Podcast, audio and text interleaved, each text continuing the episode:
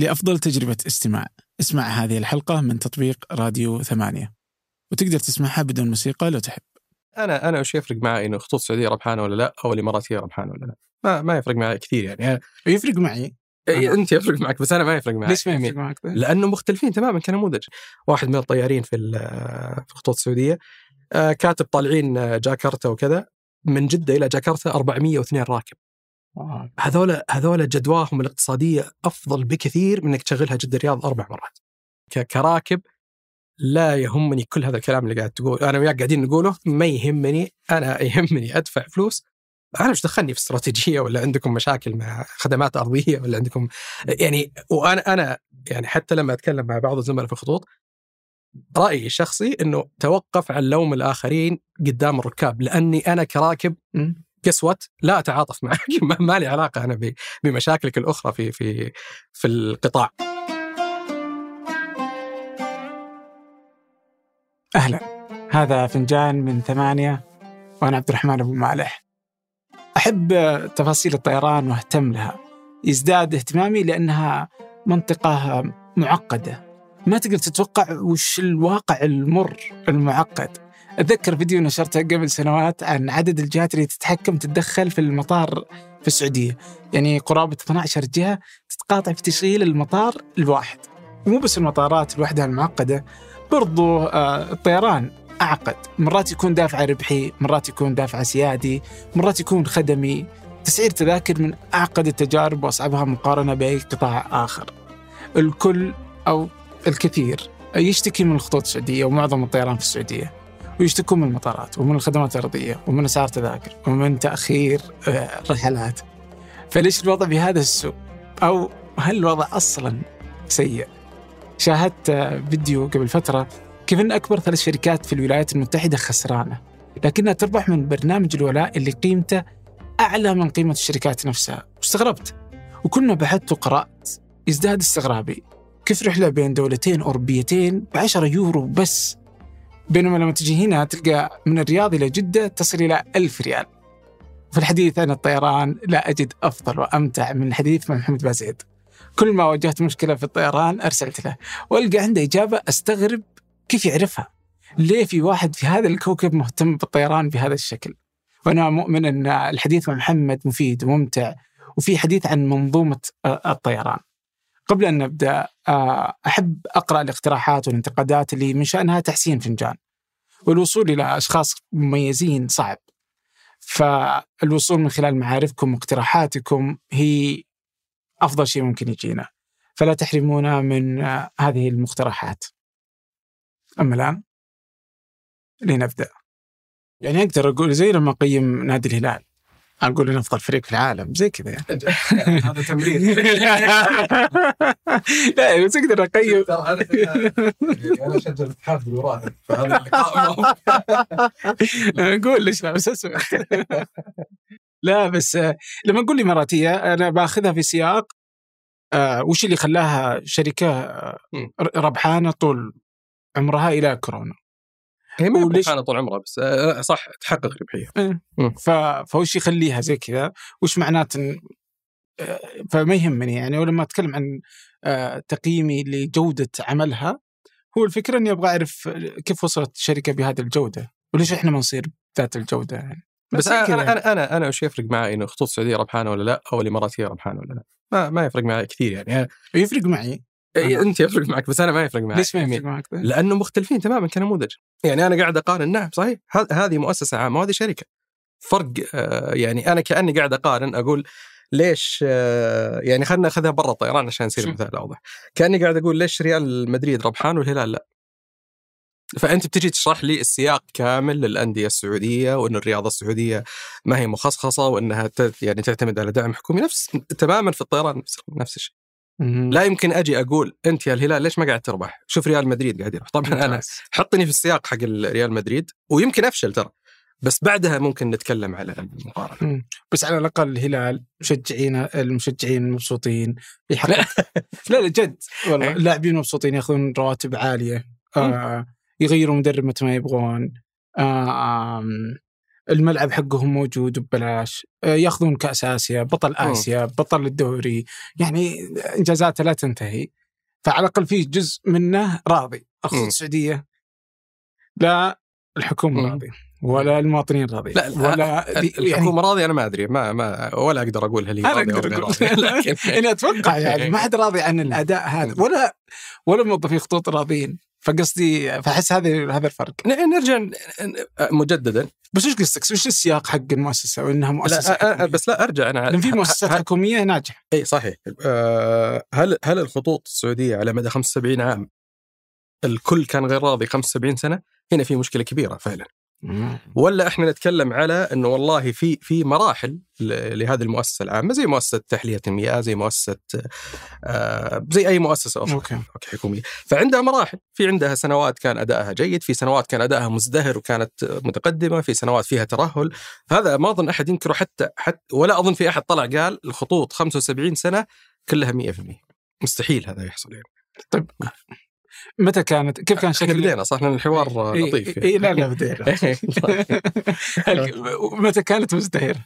متى كانت مزدهرة؟ أعطني شكل الخطوط السعوديه وهي في قمة ازدهارها. ما عندي صراحة السياق التاريخي لكن آه، في الستينات السبعينات السبعينات أقدر أقول والثمانينات بدايتها يمكن كانت فترة ازدهار. تخيل. طبعا أنا ما أتكلم ماديا أتكلم عن خدمة. لأنه نرجع مجددا للسياق أنه أنا لما أتكلم عن مؤسسة عامة إذا لها أهداف تشغيلية استراتيجية أكثر مما هي أهداف ربحية.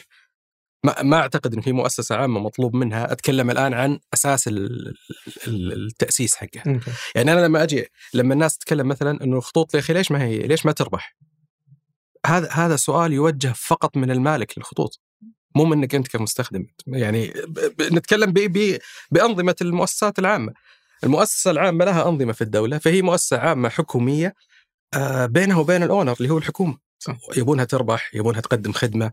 أنا ما أدري إيش ال إيش ال إيش المعايير الأداء اللي محطوطة على الخطوط. صدقا ما أعرف. ولا ولا يعني ولا أظن أحد غير صانع القرار ومجلس الإدارة هو اللي يعرف وش معايير الأداء المطلوب من الخطوط. قد يكون مطلوب منها ربحية الآن وهي قاعدة تفشل في هذا الشيء أو قاعدة تنجح لكنها غير مدرجة. ما هي شركة عامة آه ما في مساهمين. فبالتالي هذا ال هذا ال إحنا قاعدين نطالب يعني كأن واحد يجي يقول للتحلية أنت الحين ليش ما قاعد تربح؟ أظن جواب التحلية بيكون إيش تبغى؟ أنا قاعد أقدم لك خدمة إيش علاقتك اربح ولا ما اربح؟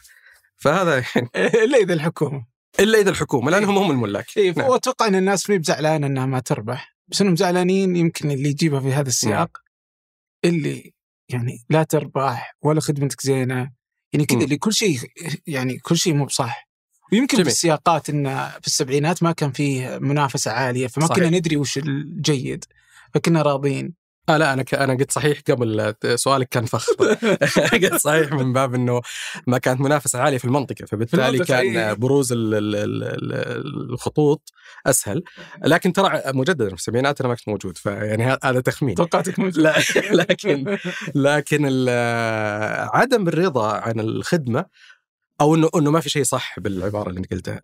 آه، يعني صراحة ما, ما أدري يعني هي تجارب شخصية. أنا بالنسبة لي يعني تجاربي مع الخطوط متباينة في تجارب.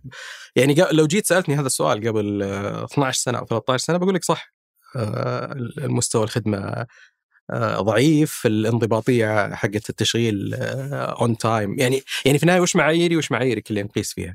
آه، أنا واحد من المعايير اللي اللي أحب أستخدمها كثير في في قياس أي خدمة. سواء خطوط أو غيرها القيمة مقابل المال أو value for money أنا لما أطلع على رحلة من الرياض إلى دبي على الخطوط السعودية أو أطلع رحلة من الرياض إلى دبي على الخطوط الإماراتية وجربت الاثنين أقدر أقول عشرات المرات بارتياح وجربت طيران ناس وجربت غيرهم. بالنسبة لي لا زالت الخطوط السعودية توفر تنوع في الوقت أفضل. آه، طائرات آه، أحدث. أحدث من الإماراتية حتى. يعني لاحظ أتكلم على على على عمر الطيارة فهذا بالتالي يقلل احتمالية ال- التأخير. وتقدم لي آه، مساحة أكبر. هذه مشكلتهم طبعا هذه مشكلة بالنسبة لهم مو لكنها ميزة بالنسبة لي. الكباسة أو نسبة الإركاب على الإشغال في الطيارة ما هي عالية زي طيران الإمارات مثلا. طيران الإمارات نسبة الإشغال عالية آه، أغلب اللي يطلعون معك رايحين ترانزيت فبالتالي هم آه، يعني فبالنسبة لي كتجربة لكن لو جيت أبغى أطلع رحلة مثلا إلى إلى وجهة أخرى إما الخطوط السعودية ما تشغلها أو آه، وجهة الإماراتية تقدم فيها منتج أفضل بختار المنتج اللي يناسبني في النهاية. يعني ما هي مسألة إنه والله أنا all the way أو أو طول الطريق أقول الخطوط السعودية سيئة ولا طول الطريق أقول هي جيدة هي أن- أنت تختار المنتج اللي يناسبك في الوقت ال- اللي يناسبك. لكن ما عندي موقف ضد إني أجي أقول والله آه يا أخي كراسيكم كلها سيئة أو مواعيدكم كلها سيئة by the way على أو, أو بالمناسبة يعني من ناحية معايير التشغيل على الوقت آه آخر عشر سنوات تحسنت كثير خطوط السعودية بسبب تحديث الأسطول. وش علاقة الأسطول بالوقت؟ آه، أسطول حديث يعني اعطال أقل يعني التزام أكبر بال... بوقت التشغيل. طبعا وقت التشغيل هذه هذه حكاية ثانية يعني يعني مم. طيب أنا ودي قبل آه، مم. الخطوط السعوديه بدخل فيها يعني. واحس إنها سالفة آه، معظم الحلقة إذا أبغى أفهم الخطوط السعوديه وأنا باخذ خطوط سعوديه ك آه، هي القائد في في في. في السعودية فإذا نبغى شركة طيران في السعودية فلازم نقول عن خطوط السعوديه تجي. بعدها ناس وأديل بس أتوقع إذا صلحت السعودية تصلح البقية والعكس بالعكس. يعني أختلف شوي بس أوكي. نجي نعرف ليش نختلف بس بعدين. بس أنا ودي أرجع يعني لأن في فيديو انت نشرته بتويتر. مم. فاللي هي ودي أعرف أصلا منظومة الطيران في العالم. آه فكنت تقول إنه صناعة الطيران غير مربحة. شلون غير مربحة؟ آخر عشر سنوات قبل كورونا من 2010 إلى 2019 مم. معدل آه وهذا الرقم عارضوني فيه كثير إلين آه واحد في تويتر يعطيه العافية كانت معارضته صحيحة البقية كلهم آه معدل أرباح الصناعة أتكلم. الإيرلاينز يعني شركات ال- الخطوط الجوية 3% فأنت تتكلم على آه طبعا واحدة من الأشياء المحبطة في قطاع الطيران أنه الدخل عالي جدا. نتكلم على أرقام يعني عالية جدا مئات المليارات لكن في النهاية لما تيجي تحسب الربحية حقتها جدا منخفضة. فطبعا أنا أتكلم عن عن معدل القطاع. ممكن تجي شركة تربح في سنة من السنوات أظن يعني واحد من أعلى الأرقام اللي حققت أظن دلتا حققتها 14% في سنة من السنوات. 14% هذا في بعض القطاعات يعتبر انخفاض. أصلا يعني يعتبر أنت يعني أمورك ما هي ما هي بتمام. هذا لاحظ كان رقم احتفالي يعني. الشركات اللي تربح اللي تقدر تجيب ما بين احتفالي على مستوى العالم. يعتبر رقم عالي جدا يعني. آه، دلتا لما لما حققت رقم زي كذا يعتبر إنها جابت رقم مرة عالي. لكن كمعدل لكل صناعة. طبعا ممكن يجي واحد يقول لا أنت حسبتها بطريقة تخليها صحيح. أنت تقدر تغير معاييرك وتغير منظورك للموضوع وتبدأ تشوف ال- ال- الربحية بشكل مختلف. لكن أنا أتكلم على ال bottom line الخط النهائي آه للأداء. طبعا نتكلم هنا عن الربح التشغيلي. ما هو ربح المجموعة من من من قطاعات أخرى غير الطيران. ال airline أو الطيران بحد ذاته غير غير مربح أو ربحيته منخفضة جدا. شركات الطيران الأمريكية الكبيرة الثلاثة دلتا يونايتد و American Airlines كلهم الآن يتو يعني أو من سنوات مو بالآن يتوجهون ل ل ل لتو- لتوسع كبير في قطاعات غير يعني غير متخيله حتى يعني الآن عندك مثلا في case study مشهور ليونايتد في في وقت كورونا آه كانوا يحتاجون إلى 5 مليار أساس الشركة تقدر تستمر في وقت كورونا. لما قدموا على قرض لل يعني يطلبون قروض من البنوك تخيل إيش ال- إيش الضمانات اللي قدمت من من يونايتد لل شركة طيران تملك أصول بمئات المليار يمكن آلاف المليارات حتى. نعم. كل هذا ما يساوي ولا شيء. ال- الأصل اللي تقدمت أو الضمان اللي تقدمت في يونايتد هو برنامج الولاء لل- للمسافرين اللي هو مقيم ب 22 مليار دولار لاحظ هذا هذا حتى ما هو business يعني يعني هذه هذه وحدة أعمال جانبية تطورت واستثمرت فيها الشركة وحولتها إلى إلى إلى مركز ربحية أعلى من ال airline نفسه من الطيران أعلى من الطيران نفسها. اللي هي ونتكلم عن برنامج ولاء زي الفرسان. زي الفرسان. مم. أنت مصير تربط السعودي لا لا بس هو لا لا صحيح زي زي زي الفرسان زي Skywards زي غيره. أحب السعودية طيب. ف-. ف... فهذا البرنامج الآن يعني تخيل United Airlines وهي واحدة من أكبر الشركات الطيران في العالم على الإطلاق تقييمها أظن بحدود ال 14 مليار. برنامج الولاء حق يونايتد تقييمه 22 مليار.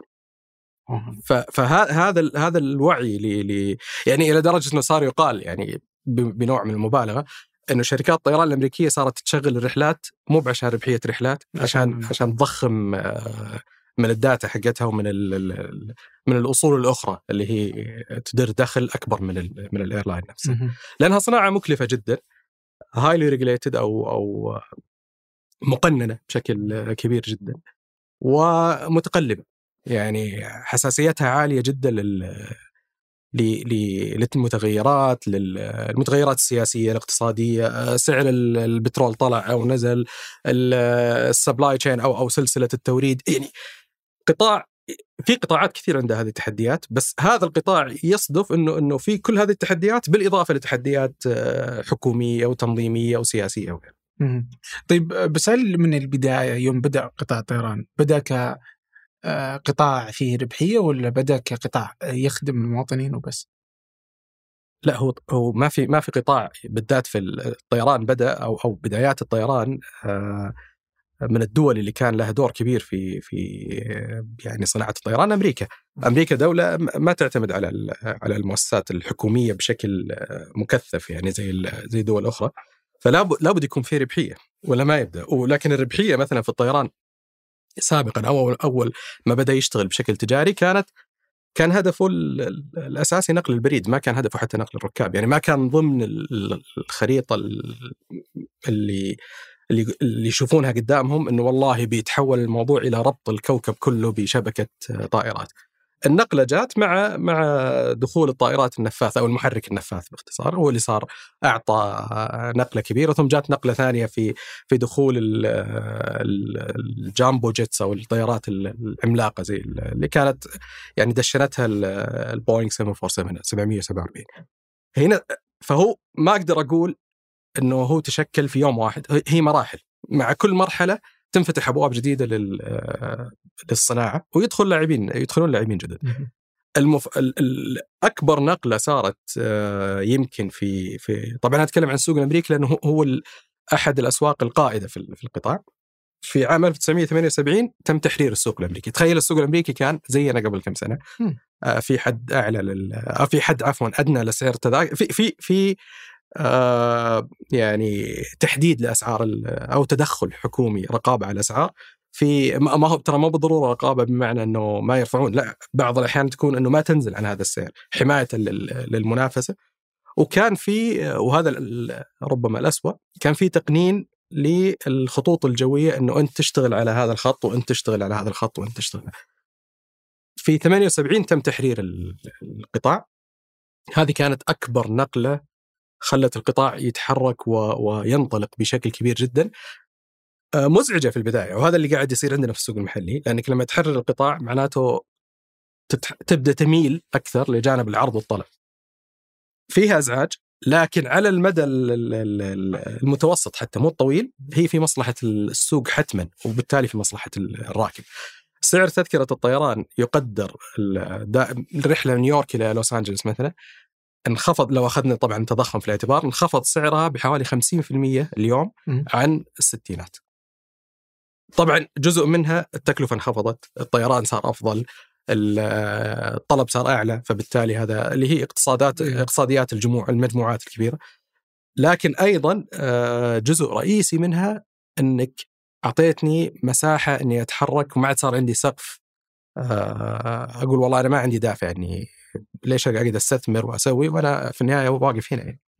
وبرضو إنه عدد شركات الطيران عندهم ما هي محدودة برضو ما هي محدودة لكن اللي صار بعد ال- ال- التحرير السوق إنه لا في شركات ما قدرت تكمل. طلعت من السوق في شركات وجات موجة في نهاية التسعينات وبع- وبعد أو أو بشكل أدق بعد 9 11 جات موجة استحواذات واندماجات بين شركات طيران يعني مثلا كونتيننتال اختفت دخلت في يونايتد US Airways مع American Airlines حديثة. هذه حديثة بس بس جات كذا موجة في بداية الألفية آه، عدة شركات اندمجت مع بعض فصفينا على اللي هم يسمونهم الثلاثة الكبار يونايتد دلتا امريكان فما هي بالضرورة أحيانا تحرير السوق معناته إنه إنه لأنه الحاجز لدخول سوق الطيران عالي مرتفع جدا جدا جدا. يحتاج ملاءه مالية عالية جدا يحتاج آه، يعني ما هو بالسهولة اللي بل حتى على مستوى المصنعين صار في اندماجات و يعني أول كان في ثلاث لاعبين كبار لوكهيد في آه، بوينغ طبعا. أتكلم عن طيران تجاري فقط. آه، بوينغ وكان في ماكدونالد دوغلاس وكان في لوكهيد. الآن ما في إلا بوينغ. يعني لوكهيد shut down أو, أو بس هذه أمريكا. هذه أمريكا أمريكا. أغلق إي بس بس هذا معناته إنه أنت قاعد يصير عندك أمم. اتجاه عكسي يعني أول كانت ثلاث شركات كبيرة تصنع آه انتهت إلى واحدة طبعا بعدين طلع المنافس أو خلالها يعني طلع المنافس الأوروبي الشهير ايرباص يعني.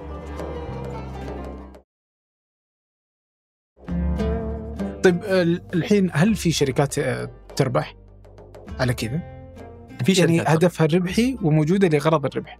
اي الأغلب إن- الأصل إنه هدفها ربحي وإنها موجودة للربح هذا الأصل أمم. لكن في النهاية كيف أنت تجيب الربح؟ هل تجيبه من الخطوط الجوية نفسها ولا تجيبه أيضا من من قطاعات آه، إيه أنا ما اشوفه عيب مم. إنه تجيب من طبعاً. الثانية يعني اليوم أقدر آخذ السي سي ولا أي مم. شركة اتصالات وناخذ نفس ال- صحيح المأخذ آه، فيقول لك أنا جالس ابني أبراج و- مم.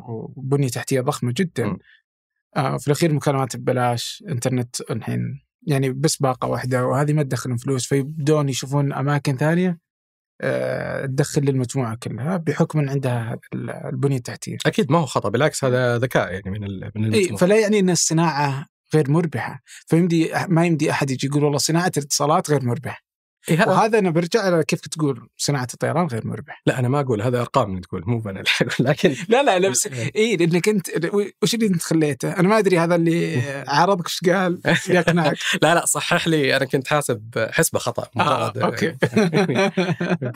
ف يعني أنا ما أقدر أستثني كل ما تملكه.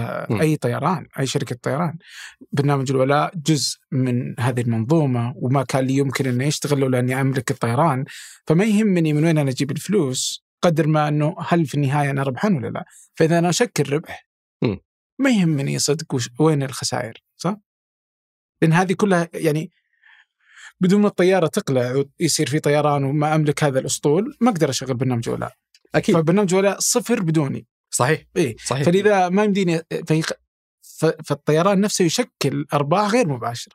الطيران ضروري سواء كان ربحان أو لا. إذا إذا بتكلم على على على مفهوم أو يعني مفهوم وجود شركات طيران فهو جزء منه مفهوم سيادي أصلا. يعني ما ما هو ما هو فقط آه، ضرورة تجارية. وإن كان هو طبعا أهميته تجارية والشحن الجوي ونقل الركاب واقتصاديات. يعني أنت تتكلم على عصب من الأعصاب اللي اللي اللي تحرك العالم. لكن كذلك في في نقطة مهمة جدا اللي هي الجانب السيادي في الموضوع يعني آه، شركات الطيران الكبيرة بالذات أو مصنعين الطائرات بغض النظر عن كل الأنظمة اللي اللي تحمي التنافسية واللي تمنع الاحتكار واللي إلى آخره من الانظمه هي في النهاية صناعة كصناعة مش كشركات محمية من قبل الحكومات. يعني لا يمكن لمثلا يعني لا يمكن لدولة زي زي الولايات المتحدة إنها تشوف شركاتها قاعدة مثلا الشركات الكبيرة قاعدة تنهار ويقول والله أنا ما أقدر أتدخل هذا سوق آه، حر اطلاقا. يعني إذا إذا كان نذكر كلنا في 2008 لما شركات السيارات آه، الكبيرة جي إم وفورد وغيرها آه، تحركت الحكومة الأمريكية وقدمت لها دعم، البنوك قدم لها دعم. ضمن ال- المنظومة القانونية اللي تسمح يعني بهذا الشيء. الطيران نفس الشيء. يعني هو ينظر له على أنه قطاع سيادي سواء كان على شق التصنيع أو على شق آه، التشغيل. فهل لازم يربح؟ طبعا لازم يربح ولازم يتحرك ولازم لازم يدخل فلوس لكن زي زي ما تفضلت بالضبط أنا أتفق معك هل الذكاء أو أو الإدارة التنفيذية اللي عندها استراتيجية وعندها رؤية واضحة تعرف وين تلتقط الفرص، وين تعظم المنافع، وين تستفيد من ال- ال- السوق، لكن يختلف هذا من بيئة لبيئة. يعني الطيران واحدة من ال- ال- الإشكاليات اللي تصير في الردود اللي تجيني في تويتر.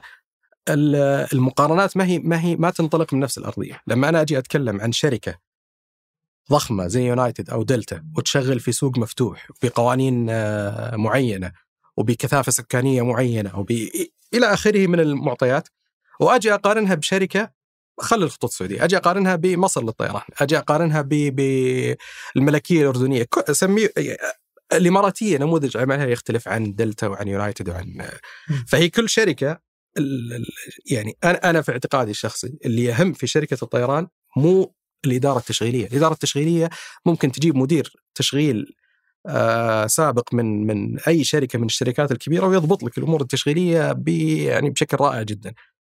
الأهم في قطاع الطيران الاستراتيجيه إنك أنت عندك استراتيجية وعارف عارف إيش إيش القيمة المضافة في السوق اللي أنت قاعد تقدمها.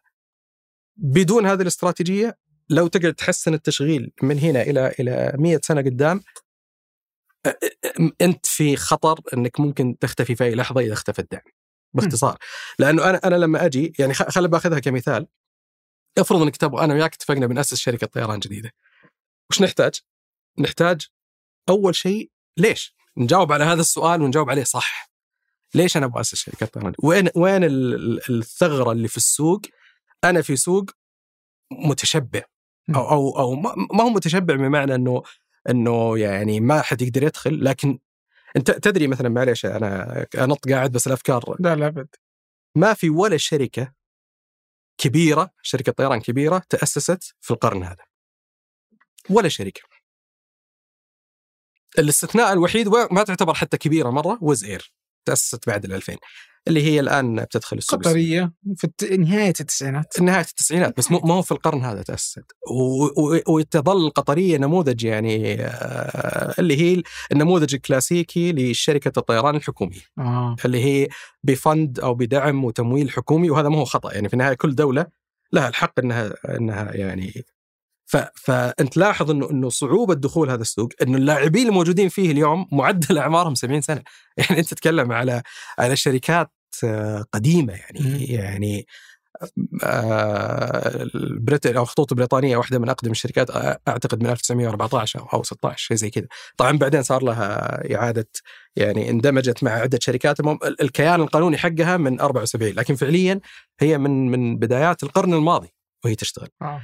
آه، كوانتس آه، يعني الشركات الموجوده KLM واحدة من أقدم الشركات في العالم ولا تزال موجودة.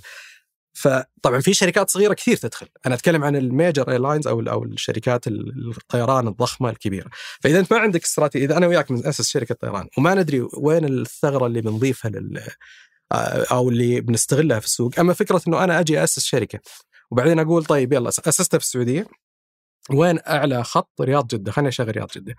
بسهولة تقدر خطوط السعودية تقتلك يعني. بسهولة. يعني آه نبعد عن السوق المحلي. قررت اني بشغل دبي لندن. بسهولة تقدر الشركات اللي عاملة الآن. لأن عندها ملاءة مالية أعلى منك وعندها خبرة أكبر وعندها نفس أطول.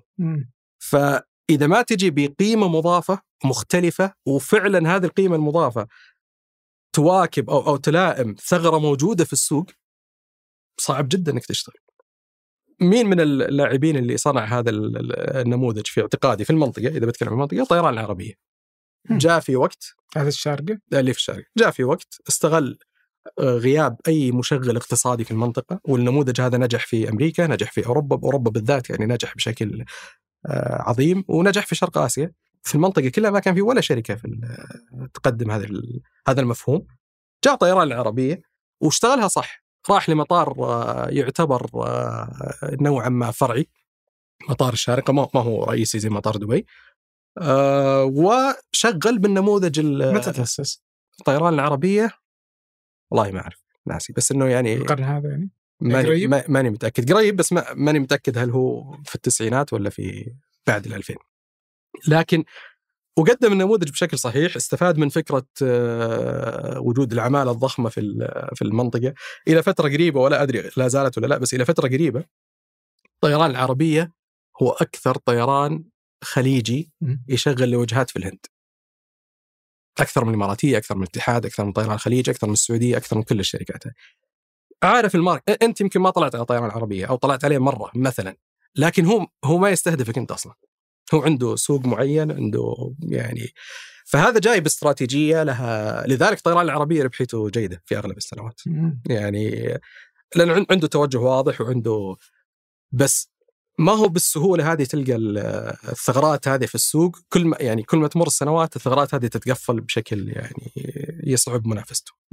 طيب يعني أقدر أتكلم عن الشركات ودي قبلها آه اللي هي شركات المصنعة.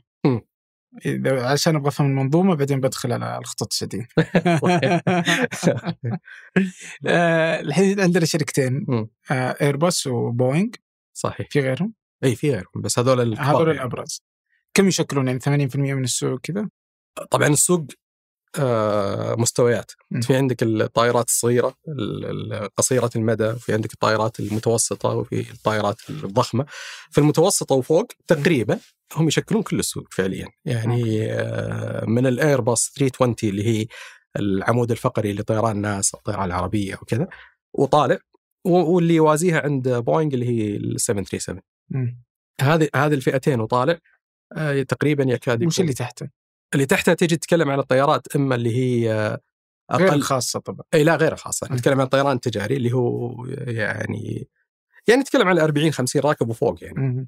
آه في عندك طائرات اللي هي ال- ال- المراوح أو ال turboprop آه اللي هي بالمناسبة في ناس كثير تعتقد إنها قديمة هي, هي, هي طائرات حديثة تماما بس هذا هذا المحرك حقها كذا يعني شكله بهذا الشكل أنا شفت طيارة زي كذا ما ركبتها. لا بالح- سجل السلامة حقها جدا ممتاز وبالمناسبه من اللاعبين الكبار اللي يصنعونها في العالم ايرباص يعني ايرباص عندها خط كامل لهذا ال- ال- النوع. أرخص. أي أرخص وتكلفه الوقود آه، أو أو فعالية الكفاءه عفوا. كفاءة الوقود فيها كفاءة تشغيل أفضل طبعا هي في الطيران الشركات تحسبها على الكفاءة التشغيلية كم يكلفني كل مقعد لكل كيلومتر أو لكل ميل فعليا فتجي هذه زي اللي في السيارات. يجي يقول لك هذا ممتاز ممتاز جيد كفاءة جدا كفاءة الطاقة نفس الشيء في الطيارة هذه الطيارة لو أخذتها راح تكلفك على كل مقعد لكل ميل هذا القد من ال... طبعا لها اعتبارات أخرى. هل أنت آه، معتاد على هذا النوع من الطيارات؟ طيارينك الصيانة ال- مطاراتك مجهزة. أنت وين بتشغل؟ قد قد تكون بتشغل في مطارات مثلا ما هي مهيئة لهذا النوع من الطائرات أو ما هم معتادين عليه فخطأ إنك تأخذ يعني. نسمة معها هذا صح؟ ما كان عندها هذا الطيارات. اللي طلعت على واحد صحيح. كذا. آه، وكثير من شركات شرق آسيا آه، بعض الشركات الأوروبية لكن بنسبه أقل آه، الشركات الأمريكية ففي عندك في هذا ال- المستوى من الطائرات في عندك لاعبين آه، أساسيين في الكندية بومباردير اللي هي آه، دخلت شراكة مع ايرباص على خط إنتاج واحد من خطوط إنتاجها وهي تعتبر لاعب رئيسي في هالخط امبراير البرازيلية تعتبر لاعب رئيسي وأعتقد دخلت في شراكة أيضا مع بوينغ في واحد من خطوط الإنتاج. والآن الصين قادمة يعني. وفي طبعا روسيا في شركات روسية لكن ما نجحت آه، رغم إنها تقنيا أنا أنا ماني بتقني لكن اللي أسمعه إنها تقنيا آه، جيدة ومتفوقة. بس يعني هي منظومة تعرف يعني أمريكا في التسويق والبيع مم. إلى آخره. وهي يعني أتوقع أتذكر كذا إنه اللي الطايرين أو الطيارين اللي مم. على بوينغ يبغى لهم تدريب لما يروحون مثلا. ايرباص فدائما يخلونهم على بوينغ وغير صحيح يعني هو ما هو ما هو عائق كبير آه، لكنه نرجع مرة ثانية للتكلفة. يعني الطيار يقدر يتدرب على على عدة بس هل أنت بتجلس تدرب إي التكلفه هل أنا أفضل لي؟ عشان كذا الشركات الطيران الاقتصادي تعتمد دائما على نوع واحد من الطائرات حتى طبعا يسهل عليهم أشياء كثير جزء منها التدريب وجزء منها استبدال الطيارة في حال آه، وجود خلل. وجزء منها يعني الصيانة إلى آخره أوكي آه واليوم عندنا إذا أخذنا ايرباص وبوينغ هل هم يعني عندهم صناعات غير. الطائرات التجارية بس هل الطائرات التجارية بالنسبة لهم في قطاعهم مربح ولا الحكومات آه، تدعمها كقوة سياسية؟ ما عندي فكرة عن الربحية لكن أعتقد نعم إنها مربحة أعتقد يعني. لكن ما عندي الأرقام. لكن زي ما أنت قلت عند- عندهم قطاعات أخرى. يعني مثلا لو جيت حسبتها بال- بالأوزان آه، بوينغ مثلا عندها قطاع الدفاع وهذا ربحيته أو أو مبيعاته عالية جدا وعندهم قطاع الفضاء اللي هو satellites والأقمار الصناعية وكذا وعندهم قطاع ال- الطيران التجاري وعندهم أعتقد أشياء آه، أخرى بس أقل يعني units أو وحدات أعمال أصغر.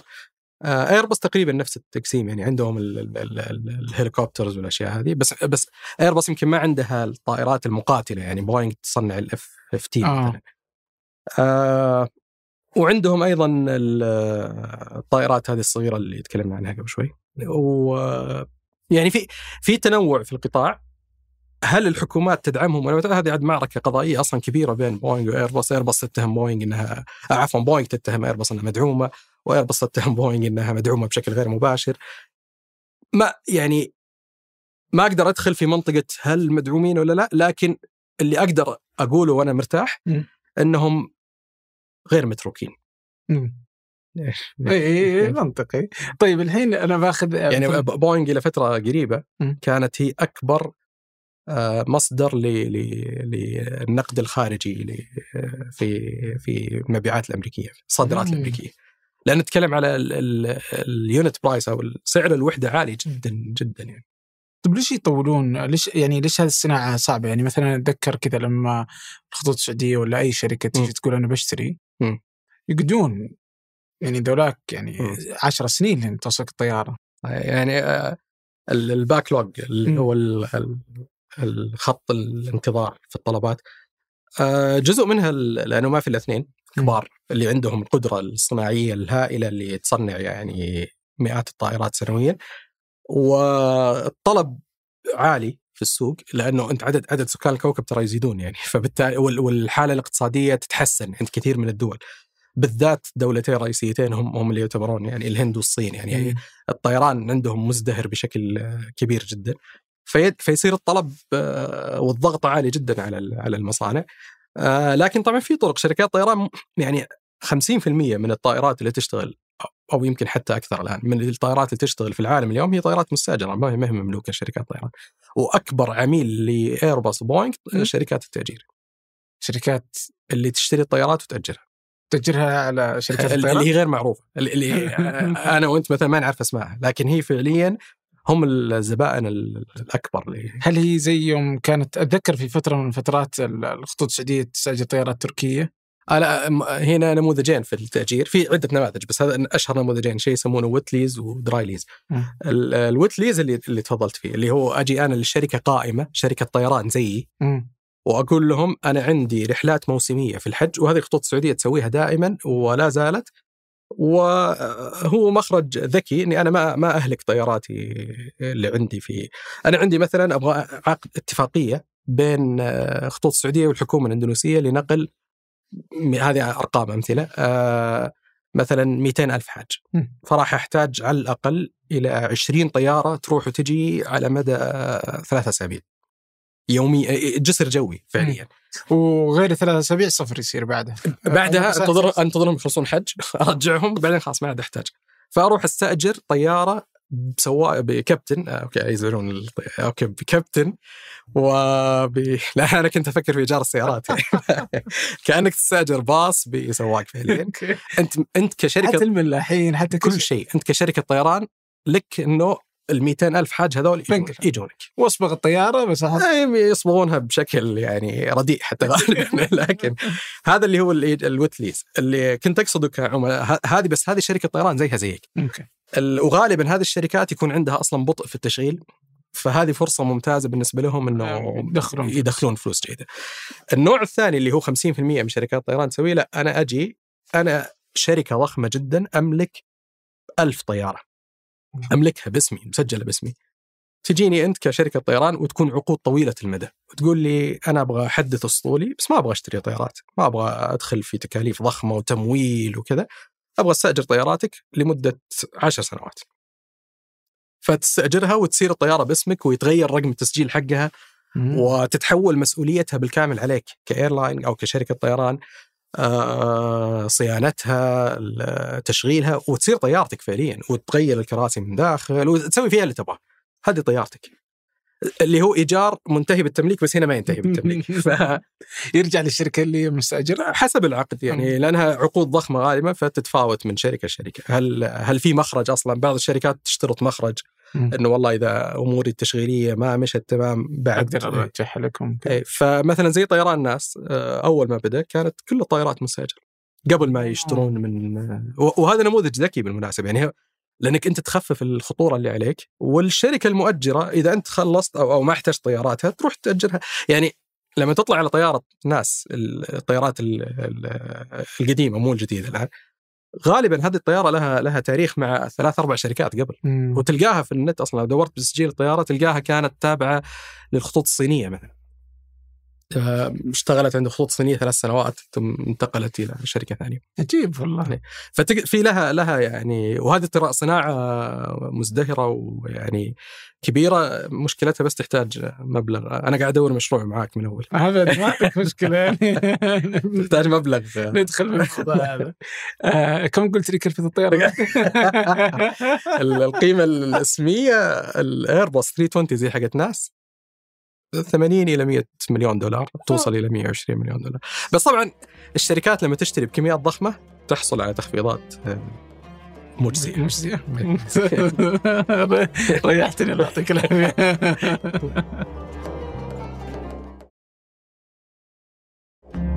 آه، سمعت مؤخرا إنه ال A 30 380 380 إنها وقفت. صحيح.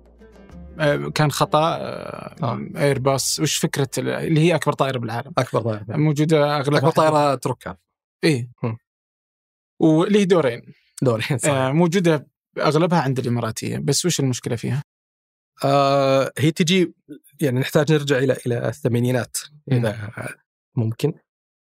كان وقت ال ال الثمانينات كان نجمة الطيران في العالم وقتها آه، البوينغ 747 أو اللي يسمونها جامبو الجامبو آه اللي هي دور ونص ونص دور فوق. ملحق. ملحق صغير فوق. آه هذه هذه كانت آه صنعت يعني أو كانت قفزة في عالم الطيران وقتها. طبعا هي دخلت خدمة في السبعينات نهاية الستينات. لا في السبعينات دخلت الخدمة رسمية في السبعينات.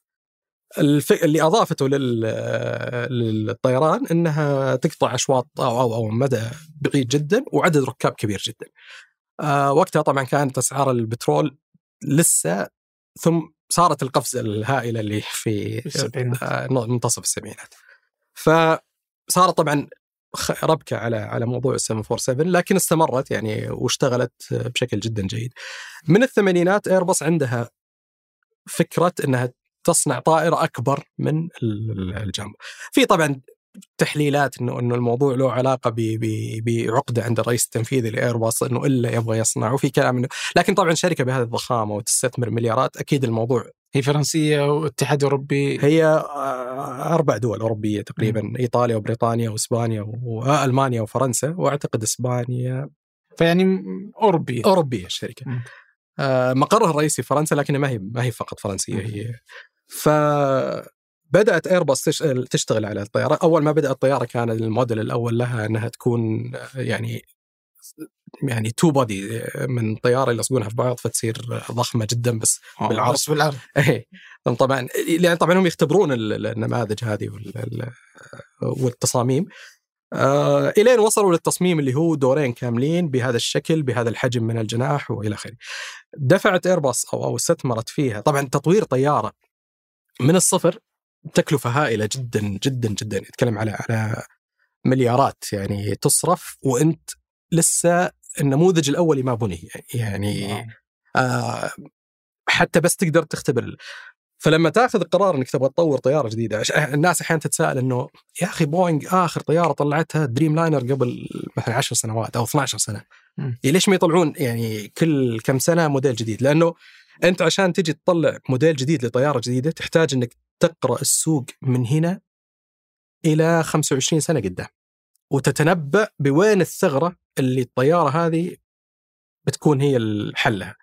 في هذه الفترة بوينغ كانت تلاحظ انخفاض في الطلب على على 747 فصار في نوع من إنه خلينا نبدأ في طيارة جديدة.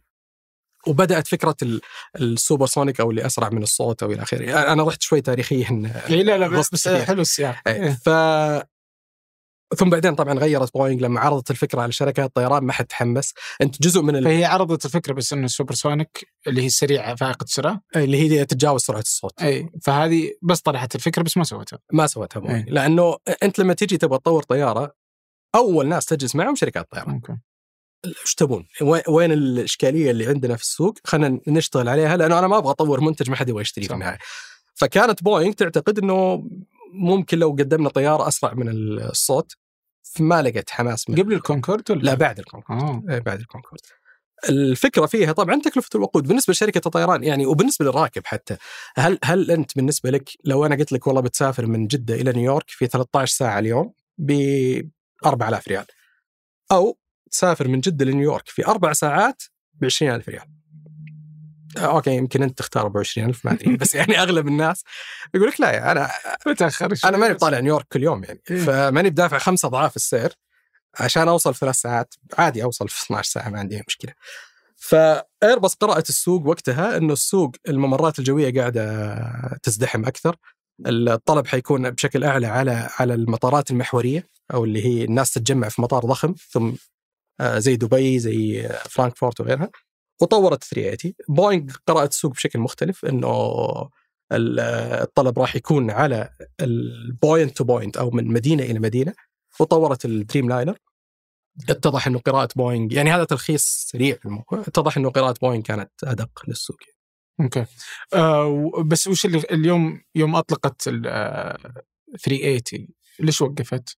لأنه تكلفة تشغيلها عالية جدا. عالية. أنت تحتاج إلى أنك بس منطقيا إنه عدد الناس صار أكبر اللي. يسافرون فمنطقيا يبغى يعبي الطياره أكثر.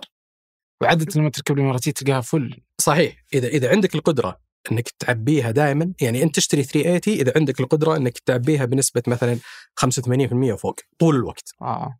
غير عن كذا أنت. أنت تحت خطورة ال- ال- الخسارة لأنها عشان تشغل طيارة أربع أي طيارة أربع محركات ابتداء هي يعني تكلفة تشغيلها أعلى من الطيارات ال- الأخرى.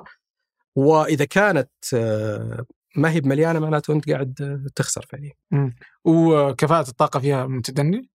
يعني ما أعرف تقنيا. ما عموما الطيارات اتذكر إن الدريم لاينر 787 عالي جيدة جدا. 787 وال 350 و 320 نيو عند ايرباص يعني حتى ايرباص. عندها ال- ال- التقنيات. يعني في النهاية ال- ال- جزء جيد من التحكم في كفاءة تشغيل أو يعني صرف الوقود هو يجي من المحرك أساسا. مم. وشركات تصنيع المحركات شركات منفصلة عن شركات الطائرات. ما هي ما هي مو ايرباص اللي تصنع. طبعا تساهم في تصميم المحرك وكذا لكن اللي تصنع المحركات شركات منفصلة والشركات هذه تتعامل مع ايرباص وتتعامل مع بوينغ فأي تقنية بوينغ يعني ممكن توصلها هي غالبا متاحة للمنافس والعكس صحيح مم. يعني ما, ما هو شيء طبعا تقليل الوقود يجي أيضا من التصميم يجي من وزن الطيارة يجي من المواد اللي مستخدمة مو فقط من المحرك لكن جزء جيد من ال من ال وأنا كشركه طيران أقدر أختار إيش المحرك حقي إي طبعا آه. آه. اذا إذا كانت يعني مثلا الايرباص 320 ال- الصغيرة مم. آه، تجي أعتقد بثلاث خيارات محركات ثلاثة أو اثنين آه، الآن ماني متأكد لكن على الأقل اثنين على الأقل.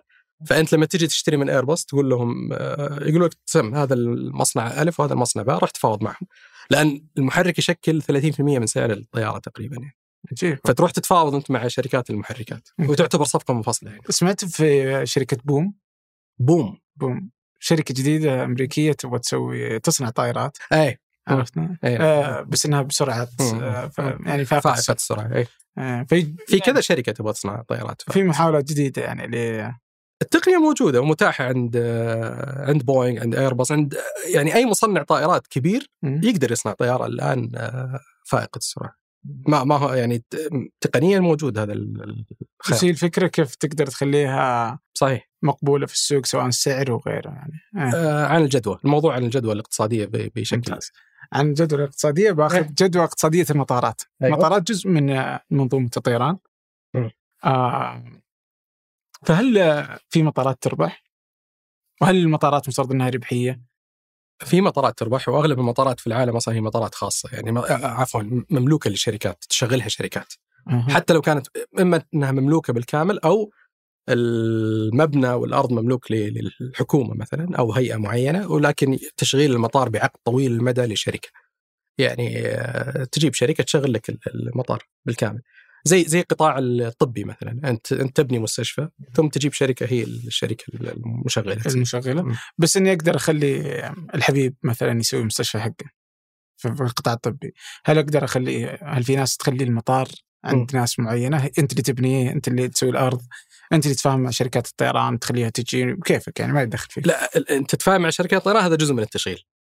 آه، لا لا يعني أنت تبني المطار حقك. مم. كيفك؟ تبغى تخليه غالي تأجير المساحات يعني ما لي دخل. أرض تنزل عليها طيارات بس أنا ما ادخل فيها. لا. على لا هو أنا أخذ منك ما أدري هو قطاع خاضع للتنظيم بشكل كبير جدا لأنه بالعكس هو أشد حتى يمكن تنظيميا من ال من ال من شركة الطيران نفسها. لأن تتكلم أوه. على آه هذه أجواء الدولة وطائرات قاعدة تهبط. ما تقدر تخلي أي طيارة تجي وتهبط ويعني وتطلع ناس. غير طبعا في عندك آه جانب أمني في عندك جانب آه يعني له علاقة ب بالذات إذا في رحلات دولية. بس في في تصنيف للمطارات. في عندك مطارات صغيرة جدا. أتكلم هنا عن أمريكا تحديدا. في عندك مطارات صغيرة جدا. آه هذه أمورها أسهل بكثير وأيسر. وحتى بعضها يمكن ما تحتاج يعني تحتاج بس إنك ت submit يعني الأمورك اونلاين ولا أو أو تودي بالبريد أو شيء زي كذا. بس هذه تبني مطار. مو تبني هو هو فعليا يكون عبارة عن مدرج صغير جدا وهانجر كذا يعني جنبه وتهبط فيه طيارات صغيرة جدا يعني لا يمكن حتى إنه أي جت إنها تهبط فيه. هذا ليفل منفصل أو أو مستوى منفصل. وهذا منتشر في أمريكا يعني يشكل آلاف المطارات في كل ولاية تقريبا في كل مدينة صغيرة تلقى فيه مطار من هذا النوع اللي هو يخدم غالبا اللي يسمونه الطيران العام. آه أنت عندك طيارة صغيرة تشيل شخصين ثلاث أشخاص تدق سلف تطلع تبغى تطير من هذه المدينة لهذه المدينة. هذه سهالات سهالات طبعا من ضمن قوانين يعني بس إنها بس إنها سهلات ميسرة بشكل كبير أوكي. جدا. أي أي نموذج أعلى من كذا اللي هو يخدم تجاريا لا هنا تختلف ال- ال- الحسبة. آه ما أعرف صراحة تفاصيل الأنظمة لأنها تختلف من دولة لدولة. آه مين يملك الأرض، مين يملك المبنى، مين يطور وش أفضل التجارب؟ يعني آه، أمريكا تجاربها سيئة فودي نخليها على. لأن أمريكا أتوقع إلى الآن مطارات ملك الدولة آه في الغالب التشغيل مو ملك الدولة في الغالب صحيح بس التشغيل اللي يعتمد يعني ما قدروا يخصخصونها إلى الآن بس ما أعرف هل ما قدروا أو ما يبون يعني ما, ما آه. عندي صراحة فكرة إيش اللي صار. يعني السوق الأمريكي سوق ناضج جدا ما هو سوق يعني تو بادي ولا بس ليش قاعد يصير ما عندي تصور إيش اللي بس وش التجارب ال- الجيدة في ضبط مطارات ربحيتها عالية وجودة كفاءتها عالية؟ يعني خصخصه المطارات هل هي مربحة؟ هل في تجارب؟ ما أعرف إذا هي خصخصة لكن المطارات اللي اللي اللي جودتها التشغيلية عالية و بس ما أدري عن ربحيتها مطارات شرق اسيا عندك نموذج آه، صارخ يعني على على المطارات اللي تقدم خدمة متميزة جدا وكفاءة تشغيلية عالية و وطاقة استيعابية مهولة يعني نتكلم على مطار سنغافورة هونغ كونغ آه، آه، سول في كوريا الجنوبية آه، بكين شنغهاي كل كلها مطارات آه، يعني كوالالمبور آه، يعني في في عدد جيد من المطارات في شرق آسيا. تجمع ال- هذا النموذج اللي هو مطار آه، ما أقول فخم بس يعني جميل جيد. آه، طاقة استيعابية عالية كفاءة تشغيلية كبيرة آه، لكن أعتقد إنها أغلبها حكومية يعني ما آه، في مشغلين لها يعني حكومية لا يعني إن الحكومة هي تشغلها يعني شانغي مطار شانغي وسنغافوره شركة المطارات هي اللي تشغله هي شركة شانغي. آه الشركة مملوكه من؟ ما أعرف. آه، أوكي. فالنموذج هنا أوروبا طبعا لا الملكية أوضح. يعني مثلا مطارات آه، لندن لندن فيها خمس مطارات. آه، تملكها شركات مختلفة أو أو تشغلها عفوا شركات مختلفة. يعني مو شركة واحدة هي اللي تشغل كل المطارات. وتتنافس فيما بينها. يعني مثلا آه، يعرف إنها الملكية. قد يكون ماني أنا ماني متأكد من المعلومة فما أبغى افتي يعني لكن آه ستانستد مثلا في لندن آه هو ال hub حق راين اير. وما ينافس هيثرو مباشرة لكنه يشكل آه، منافس غير مباشر. لهيثرو مثلا. طيب بما إنك فتحت سالفة راين راين اير فيه أتوقع هذه يسمونها الاقتصادية ال- ال- اللي في الأرض. مم. آه، برضو الظاهر ويز آه، من ضمن نفس القطاع. وز لكن الأكبر راين أير وايزي جيت آه. في أوروبا. فهذه اللي اقتصادية ألترا اقتصادية. النموذج ال- المثالي للطيران الاقتصادي. إيه. آه، فوز على إنها ظاهر بتفتح في السعودية وشيء زي كذا. بس ودي في أوروبا. فأوروبا تشكل هذا الشكل الاقتصادي. أتذكر آه،. رحت في الف- يعني كانت فيه آه، كانت في مقالة قريت إنه كيف آه، أوروبا قدرت إنها كيف الرخص التذاكر قلت أوكي فيقول لك انك تقدر تطلع على رحلة ب 10 دولار ب 10 يورو 12 دولار قلت تمام يعني 30 ريال أي. بين دولة ودولة. ورحت 2000 الظاهر 2016 والله آه. إني ناسي. المهم. تبغى تختبر النموذج؟ قلت بختبر النموذج. قال بس أهم شيء إنك تحجز قبلها بأسبوعين. قلت حلاوه حلاوه. أول مرة يبان لي إنك لما تحجز بدري يطلع رخيص. أول مرة تصدق اي لأن كل مرة يجي يقول لك احجز تلقى مثلا ناس. أحجز قبلها بشهر ب 610 أحجز قبلها بيوم؟ 603 يعني ما قصرت يعني. فقلت والله خليني أجرب. ورحت والله. فرحت يعني وتورطت طبعا. بس م. بقول لك الورطة حقتي. فرحت وحجزت من برلين إلى ميلان. من ميلان إلى بلجيكا. من بلجيكا إلى آه، وورسو وورسو إلى المهم اني لعبت في اوروبا لعب. 50 دولار. لعبت في راين كانت أكثر من خطوط رايان وويز. إيه. وبس إنهم كانوا معقدين مرة يعني حجم الشنطة كذا والمطار يكون بعيد. مم. صارت سالفة. إلى اني طلعت الباص لله آه، ما حسبت حسبة بعد المطار. إيه. طلع المطار بعيد عن برلين. ساعة. صحيح. قلت رحت لي الرحله يعني ما صحيح. بس كان فعلا يعني. رحت خمس دول. إن خمس دول بكم 120 ريال يعني ما جميل. شيء. فكيف قدروا إنهم يوصلون إلى هذه في ربحية؟ واضح إنهم يربحون. إيه، يسوون؟ ربحيتهم جيدة بعد. فاشرح لي تكفى. رايان إير وايزي جيت هم خلينا نقول ال- النموذج المطلق للطيران الاقتصادي كيف مفروض يشتغل وكيف البيئة لازم تكون للطيران الاقتصادي. لأن الطيران الاقتصادي جزئين جزء في التشغيل وهذا يضبطونه أغلب شركات الطيران. آه، فلاي ديل ما شاء الله ما قصروا يعني أول ما جو شغلوا آه، كراسي صغيرة يعني ضيقة وما تطلع شنطة للطيارة إلا واحدة وي- ويجونك عند الباب. هذا الجزء قابل لل- للضبط إلى حد إلى حد ما. يظل الجانب الثاني هو المهم اللي هو البيئة التشغيلية نفسها مو بس الطيارة مو بس ال- ال- ال- الرحلة. اللي هي تعتمد على وجود مطارات آه، فرعية. زي ما تفضلت يعني أنا رحت ميلان على على برضو طيران اقتصادي. آه، المطار أبعد من المطار الرئيسي وفعلا بعيد يعني مشوار. فليش رايان اير وايزي جيت ناجحة وتقدم أسعار بهذا في عدة أسباب. رقم واحد ال- ال- البيئة التشغيلية. أنت عندك مطارات محورية أو فرعية. يعني مثلا لندن فيها خمس مطارات. رايان إير جات أخذت واحد من هذه المطارات اللي هو يبعد عن لندن مسافة محترمة يعني وتعاقدت مع هذا المطار. أنت مطار يعني ما عندك ذاك التشغيل العالي. أنا أضمن لك في اليوم مثلا 300 رحلة. مقابل أني آخذ أجور منخفضة جدا. فيخفض الأجور التشغيل بشكل لأنه عنده ال- ال- اليد العليا على على المطار لأنه لو مشى راين اير ما في ما في أحد فعليا. آه رقم اثنين طبعا وهذا ينطبق على على مدن أخرى مثلا باريس على برلين ميلان كثير من المدن الأوروبية الرئيسية غالبا فيها مطار موازي أو مطار يعني آه، ثانوي. وإذا ما في ما عندهم مشكلة يروح يقول لك طيب أنا أنا مضطر إني أروح أشغل على مثلا مطار آه، آه، روما الرسمي. ياخذ الأوقات ال- الميتة اللي هي مثلا بدل ما توصل رحلتك في وسط اليوم على موعد التشيك ان حق الفنادق آه توصل الرحلة الساعة 11 ونص في الليل لأن هذا الوقت ما عليه زحمة فبالتالي تنخفض ال- ال- ال- الأجور. رقم اثنين اللي هو موضوع طبعا وفي أشياء كثير تتبع البيئة التشغيلية اللي هي آه ثقافة ال- التشغيل في في ال- في المطار نفسه، شركات الخدمات الأرضية، يعني أنا طلعت من مطار تولوز على رايان اير. الطيارة في الجو أنا قاعد أشوفها في فلايت رادار أوكي؟ ما هبطت لسه. والجماعة ينادونا إنه تعالوا عند البوابه بنطلع يعني وين بنطلع؟ الطياره ما هبطت يعني نطلع وين؟ بس مدربين على هذا الشيء جمعونا كلنا عند البوابة آه ركبونا الباص حرفيا أول ما الطيارة هبطت. واو. راحت الطيارة وقفت. يعني تحس إن الموضوع آه مؤت يعني مؤتمت. آه، وقفت الطيارة فتحوا الباب نزلوا ال- ال- الركاب وإحنا في الباص. أول ما نزلوا الركاب يمكن خمس دقائق مشى الباص. وإحنا عند الطيارة. حرفيا وهذا مو يعني كثيرين صار لهم هذا الشيء حرفيا من التاتش داون حق الطيارة على أرض المطار الين أقلعنا مرة ثانية الين أقلعت تقريبا 45 دقيقة. وهذا رقم مهول. يعني عشان تحقق هذا ال turnaround time يسمونه اللي هو إن الطيارة تقعد أغلب الوقت في الجو مو في الأرض. تحتاج خدمات أرضية يعني قوية وقادرة على أنها فعلا تحقق لك هذا الشيء.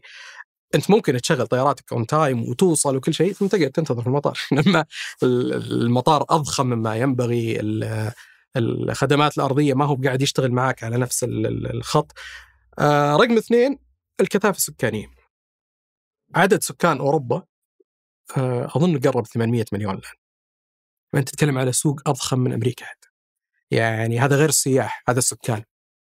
وأوروبا وجهة سياحية ضخم يعني تكاد تكون من الأشهر في العالم المدن الأوروبية يعني تقدر أنا وياك نقدر نعدد عشر مدن على الأقل تعتبر وجهات سياحية رائدة في أوروبا. فرق هائل جدا أنا ما أجي أقارنها ب ب ب بأي سوق في المنطقة.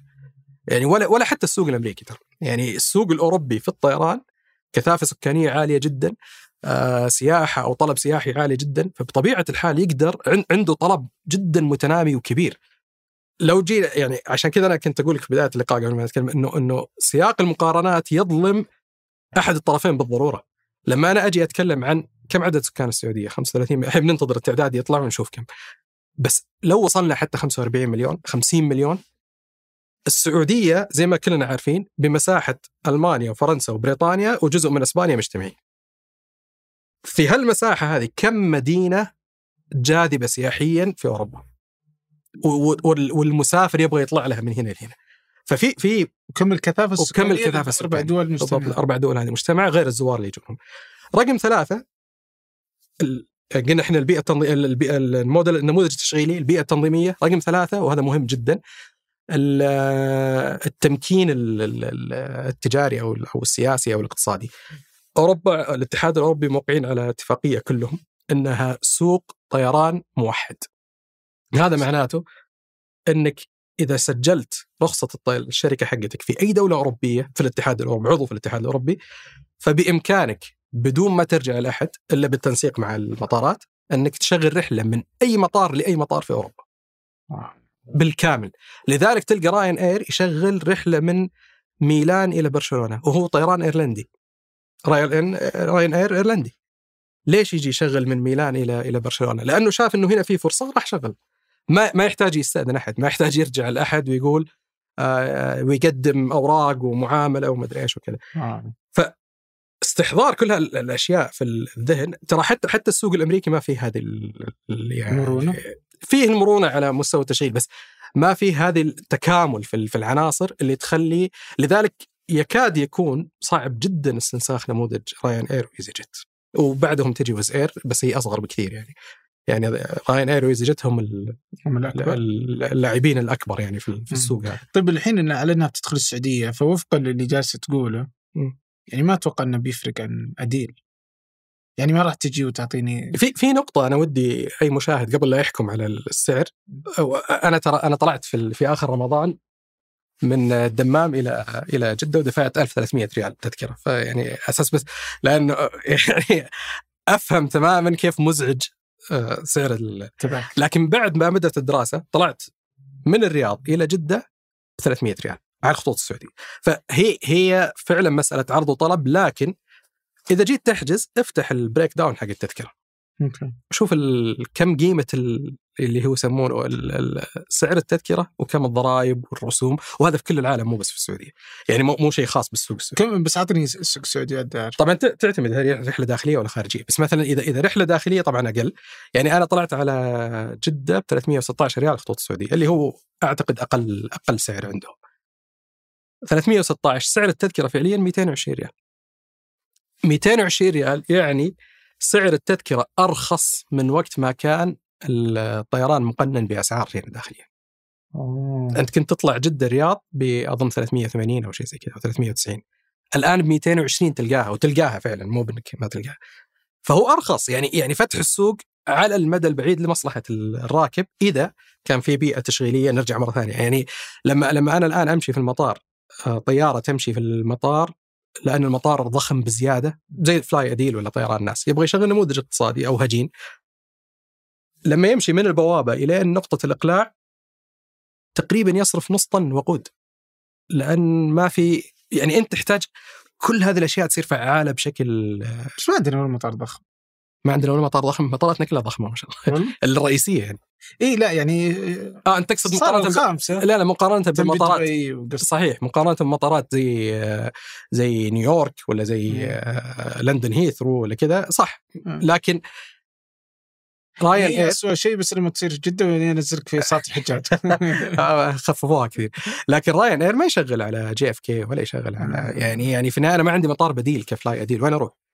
يعني أنا أبغى أشغل الرياض ما عندي إلا المطار ال- صح ما عندك المطار الأساسي. يعني بيكون مطار ثانوي أو موازي. بيكون لو كان في الخارج مثلا صح؟ أو أو في طريقه يسوونها بعض المطارات اللي هو يخصص صالات آه، عملية أكثر للطيران الاقتصادي. وهذا قد يكون ما يعني ما عندي أي معلومة بس قد يكون بس هي على إنها تدخل السعودية؟ هذا اللي ما فهمته. قريت هذا يعني، اللي فهمته. حتى أنا قريت كذا بس ما عندي. فلو جت لها هل تعتقد ان لها قيمة فعلية وفقا لأن يعني آه، انت عدت ثلاث أشياء ثلاث محاور أساسية في الطيران الاقتصادي واحدة منها بتكون هي اللي عندهم والباقيه ما هي عندهم ولا هي عندنا. لا البيئة التشغيلية ولا ال- الكثافة ال- آه، السكانية. آه، يعتمد على دخول أي الحين أتكلم كراكب دخول أي منافس هذا شيء جيد بالنسبة لي. خصوصا إذا منافس كبير ما هو منافس آه، يتعثر ويعني منافس كبير معناته عنده القدرة وعنده الملاءه وعنده الوقت إنه يدخل فهذا شيء جيد. كيف بيدبرون أمورهم؟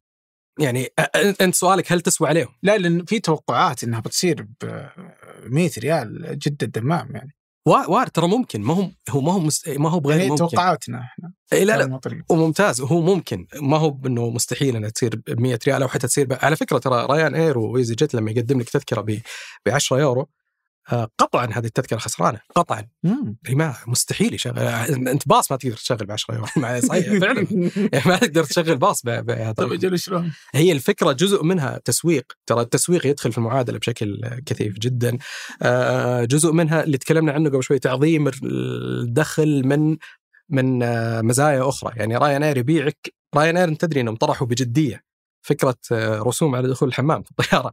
يعني طبعا يعني ما تمت لكن يعني طرحت من ضمن الأفكار اللي طرحت. فهو فعليا يبيعك لو لو يبغى لو يقدر يبيعك أكسجين يعني أظن بيبيعك. فالعشرة يورو هذه جرة رجل عشان أنت تجي وتدخل ال- ال- الطيارة. ثم بعدين غالبا يا إنك بتشتري مقعد يعني تخصص مقعد يا إنك بتشتري قطعة عفش يا انك فهنا تجي الأرباح ال- ال- الفعلية بالنسبة لهم. لكن بدون العناصر كلها ما يعني ما هو بالسهوله يعني سؤالك عن وز له جانبين. من منظور راكب أنا بالنسبة لي ممتاز. أي منافس هذا شيء جيد. من المنظور الثاني شو؟ من منظور الشركة أكيد عندهم حسبتهم يعني. ما أعتقد إنهم بيجون هل السوق السعودي سوق آه، جاذب للشركات؟ لشركات الطيران؟ من أكبر الاسواق في المنطقة من أكبر من الأسواق اللي فيها قوة شرائية عالية جدا. لكن في فرق في السوق السعودي بين شغلتين. التشغيل الداخلي أو التشغيل الدولي. هل أنا أجي يعني مثلا لما تجي الطيران الإمارات أو القطرية أو الاتحاد وتستهدف آه، الرياض جده الدمام بعدد رحلات كبير لأنها تستهدف ترانزيت. في النهايه ما آه، يعني أنت عندك قوة شرائية جيدة عندك آه، ناس تسافر سياحة عندك ناس تسافر أعمال عندك ناس كذا. فهذولا جيدين للشركات الطيران.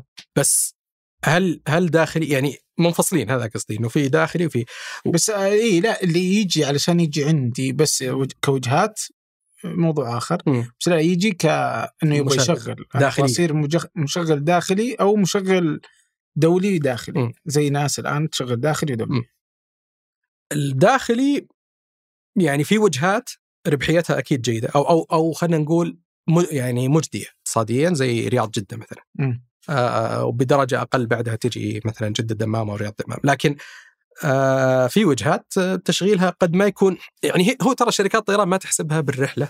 والله أنا هذه الرحلة طلعت عليها كم؟ هي تحسبها بمجمل التشغيل على هذه الوجهة. فممكن تجي مثلا آه، يعني أعطيك مثال. أحيانا شركه بعض الشركات هذا طبعا مثال افتراضي. ممكن تجي شركة تشغل رحلة من منطقة طرفية مدينة طرفية عفوا إلى الرياض لأنها عندها بعدها رحلة من الرياض إلى الخرطوم وفي هناك كثافة عمالة سودانية. فأنا مو بالضروره يعني مو بالضرورة إني أستهدف فقط عشان كذا أحيانا الناس تقول يا أخي وقت الرحلة هذه غريب هو فعلا وقت غريب بس مو مو بلك هو لركاب آخرين آه، أنا أبغى أنقلهم للرياض لأن عندي الساعة 7 الصباح رحلة آه، طالعة الخرطوم. مثال يعني أي. فهي ما هي يعني عشان كذا نرجع مرة ثانية استراتيجيه وين الثغرة في السوق اللي انت تبغى آه، فعلا آه، ممكن تجي شركة طيران اقتصادية داخلية وتشتغل على نموذج طيارات ال turboprop اللي هي المراوح مم. وتخلق يعني نموذج مختلف أو تسوي نوع من الارباك في السوق يعني. إحنا اليوم عندنا كم 27 مطار في السعودية التجارية أعتقد 27 ممكن أو الركاب يعني مم. آه واضح إن الرياض جده الدمام. إيش كمان؟ يعني هذه اللي مدينة أبها القصيم هذه المطارات اللي تعتبر فيها ربحية؟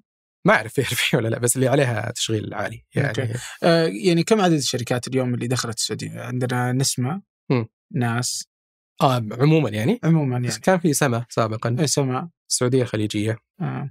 آه وكان في شركات طيران خاص يعني زي ال- الخيالة والبيرق. okay. مم. آه البيرق اللي كان تبع الخطوط السعودية. كانت تبع الطيران الخاص اللي هو ت... اللي هو واحدة من شركات خطوط السعودية أو أو واحدة من شركات مجموعة السعودية. okay وهذا حديث يعني. وقف؟ البيرق آه، وقف نعم. آه. أنا أنا أشوف مشكلة تسويق كانت يعني ما ما أعتقد يب- ما أعتقد إنهم ما توفقوا في تسويق المنتج. المنتج. أنا ما أدري إيش توفقوا فيه بس توفقوا في وجودك. يعني طيب يعني اليوم طلعت نسمة طلعت السعودية الخليجيه أتوقع؟ السعودية الخليجيه ما رسميا ما طلعت هي موجودة لكن متوقفة عن التشغيل التشغيل.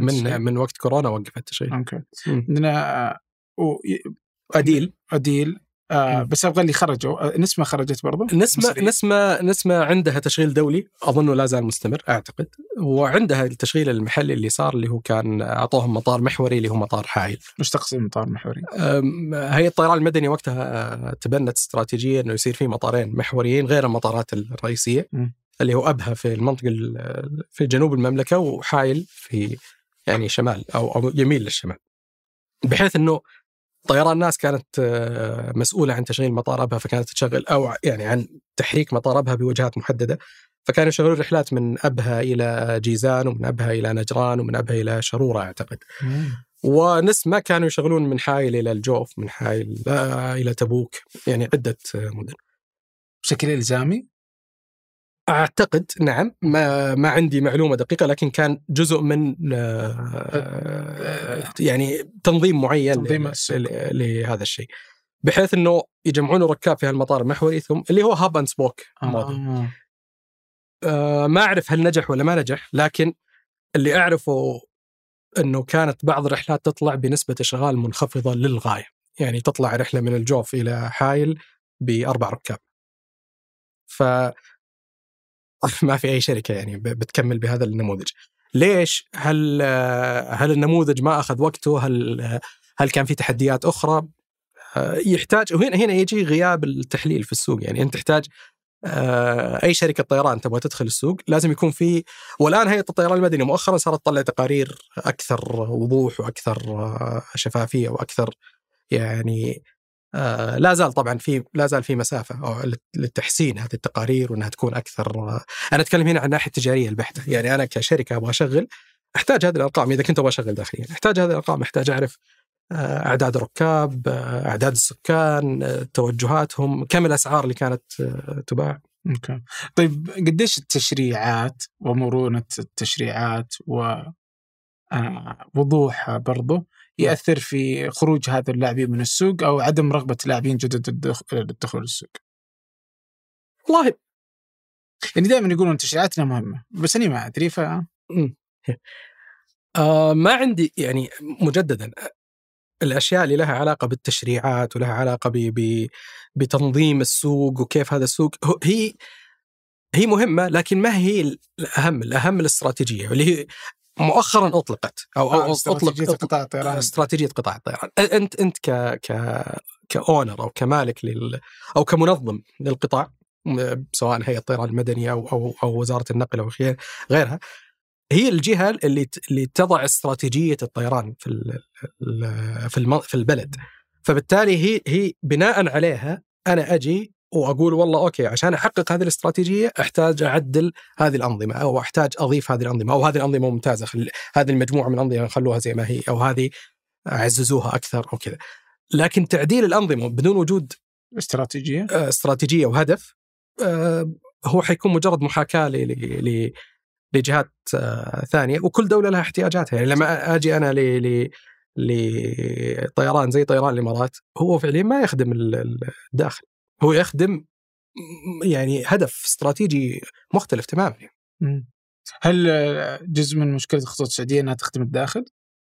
ما أقدر أسميها مشكلة خليني أسميها تحدي ألطف يعني جزء من التحدي اللي عند الخطوط السعودية أو عند أي شركة طيران مشغلة آه، المملكة آه، مساحة مترامية الأطراف وكثافة سكانية منخفضة في بعض المناطق.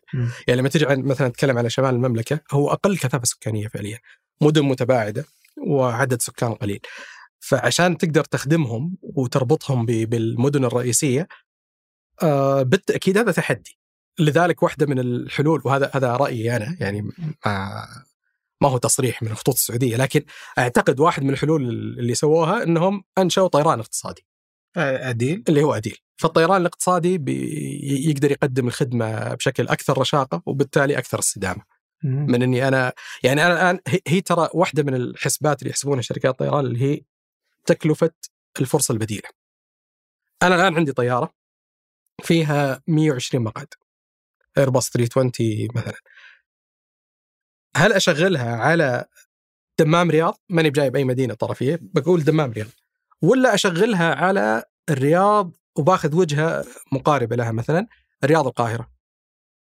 وين الأكثر جدوى بالنسبة لي؟ وين الأكثر طلب وين الأكثر استدامة وين؟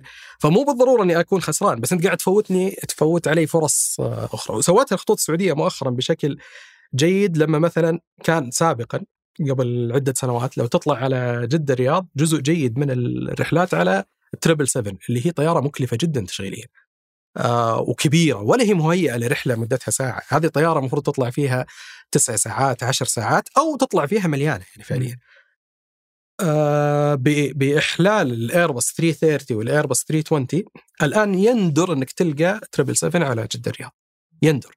أو الرياض جدة طبعا. بس آه، غالبا تلقى 787 لا، ولا ال 787 قليل. والله؟ لو تدخل على جدول رحلات الرياض جدة الغالبية ما بين ايرباص 330 وايرباص 320 الأغلب يعني لأنه صار في توظيف أفضل لل triple 7 triple 7 وين تلقاها؟ تلقاها رحلات باكستان، بنغلاديش، الفلبين، إندونيسيا، الوجهات اللي عليها كثافة عالية جدا، أمس أقرأ تغريدة لواحد من الطيارين في في الخطوط السعودية آه، كاتب طالعين آه، جاكرتا وكذا من جدة إلى جاكرتا 402 راكب.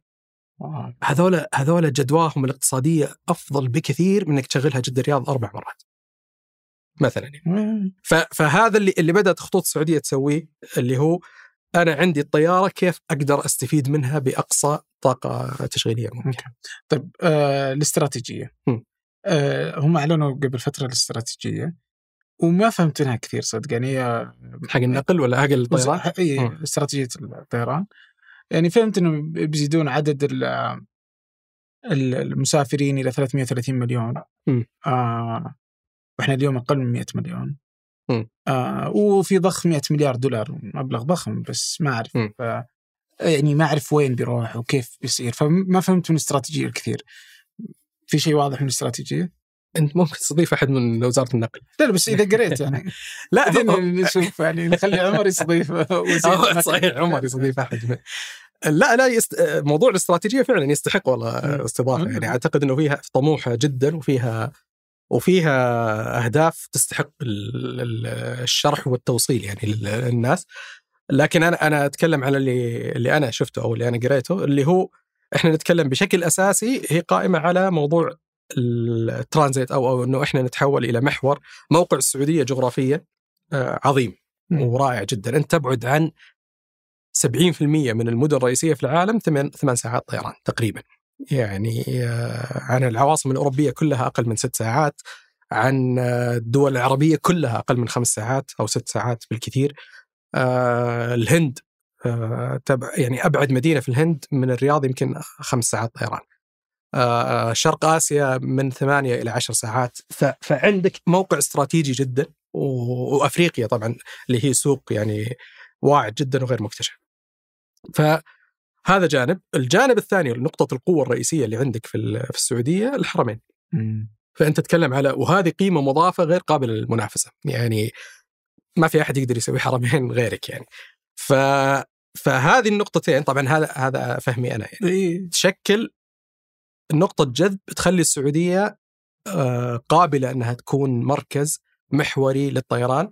لكن هذا يحتاج طبعا إلى تمكين. ليش هي أطلقت ضمن استراتيجية؟ ليش ما تشغل وخلاص رحلات؟ لأنه تحتاج إلى إلى إلى منظومة عمل كاملة. تحتاج إلى إلى مطارات مهيئة تحتاج إلى آه، إدارة تشغيلية مستوعبة هذه الأهداف تحتاج إلى إلى حتى نوع من التسهيلات مع وزارة الخارجية تأشيرات الترانزيت يعني لازم المنظومة كلها تصير مكتملة. فأعتقد شخصيا أن استراتيجية الطيران تستهدف تمكين هذا كله والربط مع الجهات المشرعة الأخرى بحيث إنه يكون لما يجي لاعب تجاري يبغى يشغل الأمور جاهزة يعني أو أو مهيئة للنجاح. والله يعني الكلام حلو. بس أحس المشكلة عند آه، لا تزال عند وزارة النقل لحالها. عمر الجلسي. عمر الجلسي. لا يا أخي ليش المشكلة؟ والله بس عمر يبغى ليش؟ لأن يعني وزارة الخارجية والفيز هذا مثال أنا جبته. إي بس أنا إن أنهت المشكلة. م. الحرمين موجود يعني ما له علاقه وزارة النقل في أي شيء يعني. والحين ربيعه شغالة على الموضوع. فالآن عندك آه، الحرمين موجودة والحج دائم موجود والعمرة مفتوحة. فيعني يعني علاقتهم فيها بسيطة أو مين موجودة. آه فيقدرون الناس الفيز اليوم أصبحت متاحة لمعظم سكان العالم. آه ضغطة بتسهيل صحيح يعني تسهيل ولا شيء طن طن خلص. يعني يمكن تصير أكبر مشكلة له لما يدخلون المطارات يبدأ يتلخبطون آه، إيش كمان؟ آه، السياحة جالسة تشتغل بشكل مهول. هل عندنا مشكلة في المطارات أو تحدي؟ هذا السؤال آه نعم عندنا تحدي في إيه، المطارات صحيح. يعني المشاكل أغلبها تكمن تحت منظومة وزارة النقل. يعني ما هو في اطار النقل سواء كهيئة أو كشركة أو كمنظومة نقل ليس بالضرورة ما هو خارج النقل. بس.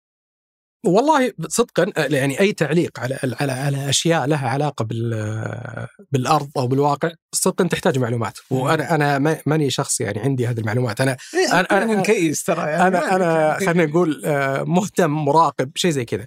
هل هل في مساحة للتطوير عندنا في المطارات؟ بالتأكيد عندنا مساحة كبيرة جدا للتطوير آه، سواء مطار جدة بمبناه الجديد والإدارة التشغيلية الجديدة الآن أو آه، أو مطار الرياض اللي هو المطار اللي ينمو بوتيرة عالية جدا، مطار الرياض ينمو بسرعة آه، كبيرة جدا. فهذه المطارات بحاجة إلى تطوير. من من أشياء صغيرة زي آه، نقاط التماس مع الراكب إلى أشياء ما يشوفها الراكب لكنها تنعكس عليه وما يدري. مثل تنظيم الحركة الجوية مثل تنظيم حركة الإقلاع يعني أعطيك مثال بسيط جدا. اللي يسمونها مسافة الابتعاء أو أو المسافة الفاصلة بين أي طيارتين مثلا في في الإقلاع أوكي أو في الجو عموما. آه شركة الملاحة الجوية في السعودية تعتمد آه نموذج معين آه يعزز السلامة وإلى آخره لكنه في نظر وجهة أو في في وجهة نظر شركات الطيران المشغلة أنه يعطلهم لأنه في نماذج أخرى في العالم تعتمد شكل آخر من إدارة الحركة الجوية. يعزز آه، من أو يقلص من الوقت وهذا يفرق مع شركات الطيران. يعني أنت الآن لما تركب طيارة مثلا في مطار الرياض ما أدري لو واجهت هذا الشيء أو لا بس أنا واجهته عدة مرات وأعرف كثير يواجهه تطلع الطيارة push back on time وبالمناسبه ترى وقت المغادرة حق الرحلة هو وقت البوابة. وقت مغادرة البوابة وليس وقت الإقلاع. الناس كثير تخلط بين الرقمين هذول. ال push back on time فشركة الطيران وشركة الخدمات الأرضية سووا اللي عليهم صح في هالحالة. أنت الساعة 10 لازم تبتعد من البوابة ابتعدت الساعة 10 ما تقلع إلا 10 ونص 10 35 10 40 دقيقة.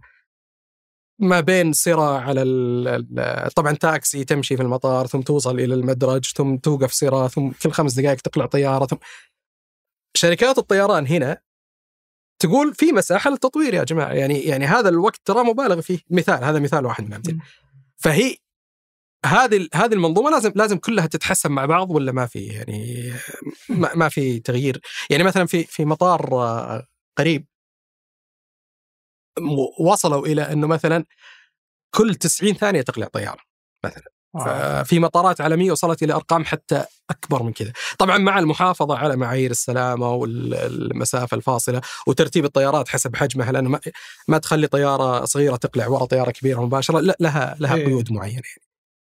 إي لا لا تطوير مكان تطوير المطارات صدق آه، بس أقصد إن هذه هذه مناطق يمكن الراكب ما يشوفها أو ما يدري عنها لكنها فعليا تنعكس على على, على- تجربته تجربة تنعكس على غضبه من آه، التجربه أو عدم رضاه عنها. هل أصبحت المطارات اليوم تحت سلطة الهيئة؟ أتذكر كانت جزء منها وزارة الدفاع، جزء منها مدري شلون فيوم فوقتها تقدر تقول والله يعني أنا ما أقدر أسوي شيء. بس هل انتقلت من وزارة الدفاع للهيئة؟ الطيران المدني أو الطيران التجاري كله الآن تحت هيئة الطيران المدني طبعا يعني ما آه. لا لكن آه، إيش حجم التقاطع مع مع وزارة الدفاع لأنه في النهاية وزارة الدفاع مسؤولة أيضا عن حماية الأجواء السعودية كلها. آه ما أعرف حجم التقاطع صراحة ولا أدري هل يشكل ضغط على على الطيران المدني أو لا لكن الأكيد إنه إنه إنه الطيران المدني مستقل يعني إيه، لأن يعني هي بتكون المشكلة لما يقول أنا والله ودي. بس يعني المشكلة إنه في تقاطعات أنا ما لي علاقة هذا مو بملكي. فت... إلى وقت قريب كانت هذه التقاطعات مش موجودة. لذلك ال- موجودة. القيمة الكبرى في إطلاق الاستراتيجية إنها استراتيجية وطنية. فبالتالي كل الأطراف ذات العلاقة المفروض أنها تكون عشان كذا أنا كنت أقول لك في البداية الطيران آه، ينجح إذا إذا وجدت استراتيجية. آه، بغض النظر عن عن الاستراتيجية والتحديات اللي أمامها لكن لابد من وجود استراتيجية. لازم أنا أعرف أنا متجه وين فبالتالي تصير كل الأطراف ذات العلاقة آه، متفقة معاي ومتجهة معاي م- تمكنني من الوصول لهذا إيه، أنا اللي بس آه، بتفق معك مم. لكن اللي أشوفه هو أنه كل الجهات ذات العلاقة متقدمة وماشية. والمسؤول عن النقل وتطوره متكي مكانه يعني أعتقد إلى. وزارة النقل بعد إطلاق استراتيجية الطيران أعتقد إنها حلقة جيدة ل إي لا لا نتفق لسقراط. والله نتفق تمام جالس المح العمر يعني آه، لانها يعني لأن التحدي يعني أتذكر مثلا إذا أخذنا المطارات كمثال. اليوم ال- ال- ال- الهيئة تملك كل المطارات آه، اللي. موجودة في السعودية وأعلنت في 2016 إنها تبغى تخصص معظم المطارات وتحولت إلى شركات اغلبها إيه،. ولكنها تحويل شكلي يعني بس في شكل الحوكمة بظني أكثر من. إنها تجربة فعلية فما ساهم في بس أنا بسألك سؤال معاكس إيه؟ الآن كمسافر آه، هل فرقت معاك التجربة في المطارات ال- مثلا الدمام رياض خل جده إيه. ولا ما فرقت؟ يعني هذا سؤال مهم يعني. يعني في النهاية أنا ما يعنيني كثير الشكل التنظيمي لل- لل- للحوكمة حقتهم طالما إنه أنا قاعد أحصل على خدمة أفضل يعني, يعني وتطور. لا يعني صدق إنه إلى حد كبير إنه المطارات تطورت في دا في داخلها مم. لما أدخل تنوع ال- أول ما كان في إلا المفتاح مثلا. المصباح. المصباح يعني والله جد كان أمر مزعج بس الحين صار يعني في هذا التنوع داخل. المطار آه، أريح وأكبر. بس آه، بس بس تجي الفكرة إنه كل ما كان آه، يعني أكثر خصخصة وأكثر آه، حرية. كل ما زاد التنافس كل ما أخذت التجربة أفضل بغض النظر عن تجربتك الحاليه هل رحت مطار المدينة؟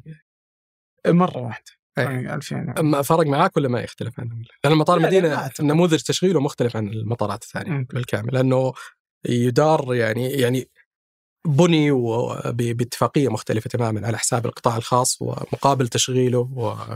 وكانت مجزية بالنسبة يعني للجميع يعني زال- القطاع الخاص لا زالوا إلى الآن يعني. شغال يعني العقد لا زال فيه باقي وباقي مدة يعني آه لكن أعتقد إنه إنه السؤال طرح قبل يعني ما راح تدخل تحالف شركات قطاع خاص وتدفع مليارات في بناء مطار اللي هو آه، إلا وهو عارف إنه في. جدول معين يعني ولا لا يمكن يدخل فه- فهذا نموذج ملفت مطار ال- ال- المدينة. المدينة آه. ومختلف عن بقية المطارات وهل هو أفضل؟ كتجربة راكب زي ما أنت قلت يعني جيد بس ما فرق معي كثير كتجربة راكب لكن اللي أسمعه مثلا من يمكن يمكن هنا تحتاج تحتاج تسأل ال- ال- أحد من القطاع يعني. من شركات الطيران نفسها هل لأنه لأنه عميل المطار أنا وأنت هذا جزء لكن العميل الثاني اللي هي شركات شركة الطيران. الطيران آه إلا الا بتفرق والله. بس يمكن إنه آه، تصير الهيئه عندها مهام أقل. فيصير يعني تصير دورها أشرافي والضبط لتطوير ال- المنظومة أكثر من إنها برضو تشغيلية لانها إلى الآن إذا الشركات ملكها فهي تشغل إلى حد كبير كل المطارات يعني. بشكل غير مباشر أنت تقصد ولا هي فعليا يعني مين مين سحب آه، مثلا إدارة تشغيل مطار جدة من الشركة السنغافوريه؟ لا هذا تعاقد كان مع ترى هذه مواضيع فعلا تخص الهيئة يعني أنا اي ففي الأخير الهيئة هي اللي سحبت. فهمت علي؟ لو إنه قطاع خاص ولو إنه المطار مملوك فعليا مم. لشركة خاصة فعليا مم. لما سحب فجأة ونجلس إن يعني جزء من مشكلة المطار مم. وهنا صحح لي يعني. لا ما إنها إنها تشغيلية يعني المطار مبني بشكل ممتاز مم. بس التشغيل حقه سيء اللي هو مطار الملك عبد العزيز بجده صحيح. جديد. ما- يعني مجددا. هذا هذا ال- الحكم على الشيء على ما يقولون الأصوليين فرع عن تصوري. يعني صدقا مط- مطار جدة آه، تعرض لهجوم كبير من ال- الفترة الماضية. آه، كراكب أتفهم تماما. أنا كراكب أنا دافع قيمة التذكرة كاملة وأتوقع الخدمة كاملة. أو أو بالحد الأدنى مو حتى كاملة بالحد الأدنى. لكن إيش اللي قاعد يصير صدقا؟ أنا ما أعرف. ما أعرف إيش اللي قاعد يصير في في مطار جدة. ليش صار في آه، خلل تشغيلي مثلا في رغم إنه المطار له له عدة سنوات تشغيل تجريبي. آه، هل هي مشكلة مؤقتة؟ أو هل هي على ما يقولون تعثر البدايات؟ وبالمناسبة ترى في نقطة بس مهمة آه، ما هي ب- يعني مو بتبرير اللي صار في جدة بس ترى ترى تعثر بدايات المطارات الكبيرة مم. تراها شائع. ما هو شيء خاص بمطار جدة يعني آه، بغض النظر تختلف الأسباب. لكن آه، أنا ناوي أسوي حلقة في يوتيوب في في تويتر عن مطارات ضخمة تعثرت في بداية تشغيلها. يعني وتعثرت سنوات وتحولت إلى إلى حتى وصمة في تاريخ واحد من المطارات اللي اللي يمكن الناس ما تتخيل إنه إنه تعثر في بداية تشغيل مطار هونغ كونغ. اللي هو الآن آه، علامة في في شرق آسيا أول كم سنة تشغيل كان عبارة عن يعني إيش اللي حصل؟ كان عبارة عن نكتة يعني يعني وصلوا إلى مرحلة إنه إنه أغلق يعني ورجعوا يعني وعادوا مراجعة ال- المطارات هي تعريف حقيقي هذا هذا ما هو تبرير ولا هو شرح حتى للي قاعد يصير في مطار جده لأن صدقا ما أعرف المعطيات اللي على الأرض. لكن الفكرة فقط إنه إنه المطارات تشغيل المطارات الضخمة هي من النوعيه ال mega projects. اللي هي عقلية يعني ال- ال- ال- العقلية اللي تشتغل آه، أو أو عفوا ال mindset أبغى أقول ال mindset اللي هو يعني طريقة التفكير فيها تختلف تماما عن طريقة التفكير في آه والله ضبطوا هذا والأمور تمشي. لا يعني هو أعقد بكثير من من آه، من mega project. باختصار يعني. فال mega projects غالبا غالبا الأصل فيها إنك تواجه فيها تحديات. هذا الأصل. إذا ما واجهت تحديات في غالبا في شغلك في شيء غلط. هل حصلت مشكلة في مطار حماد الجديد؟ المطار اللي في قطر. ما أعرف لكن قاعد أسوي الآن بحث على مطارات يعني عندك مطار برلين مثلا مم. تعثر فترة جيدة وتحول إلى نكتة عند الألمان يعني من من شدة من شدة تعثر المطار تحول إلى نكتة حر- حرفيا يعني. آه هيثرو تعثر فترة في في آه يعني في التوسع وكذا. ف والآن إحنا قاعدين نشوف أخبار عن مطار دبلن عن مطار اللي هي الشركة اللي بتشغل وهي اللي قاعدة تشغل مطار جدة الآن أو بتشغل مطار جدة. آه. مطارات كثير مطار جي اف كي في نيويورك ما, ما أعتقد إنه تجربة رائعة. من اسوء التجارب يعني ف...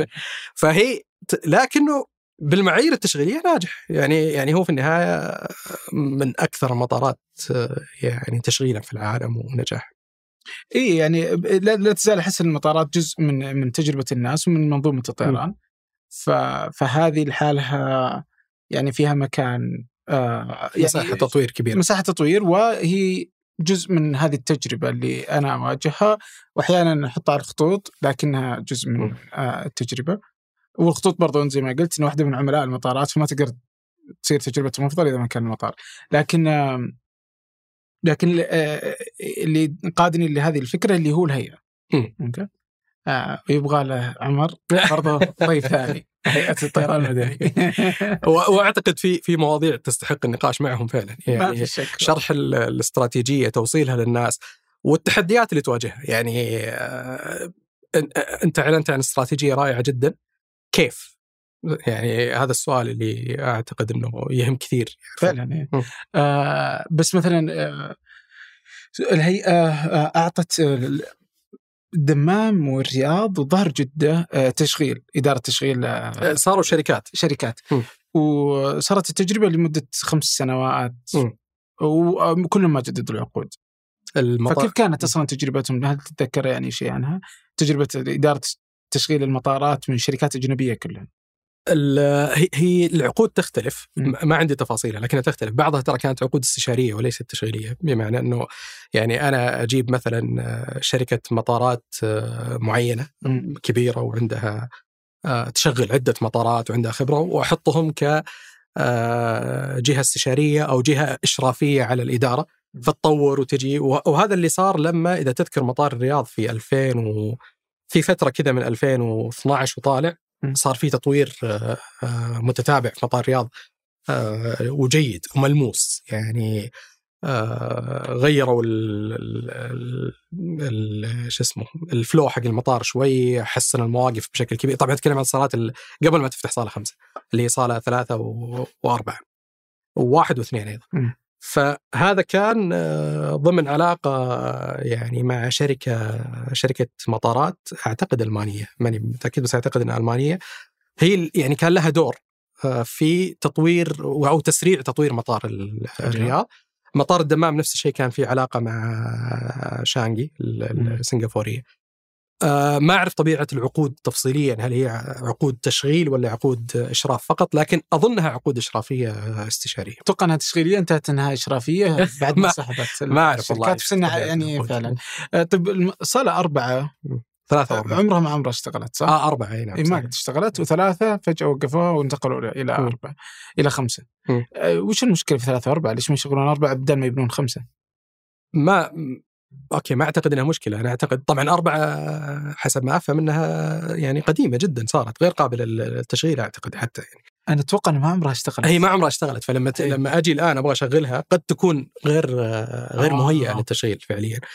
آه لكن الآن اللي حسب ما أفهم إنه صاله ثلاثة وأربعة شبه شبه جاهزة خلاص. يعني تم تم إعادة تاهيل تأهيلها بالكامل.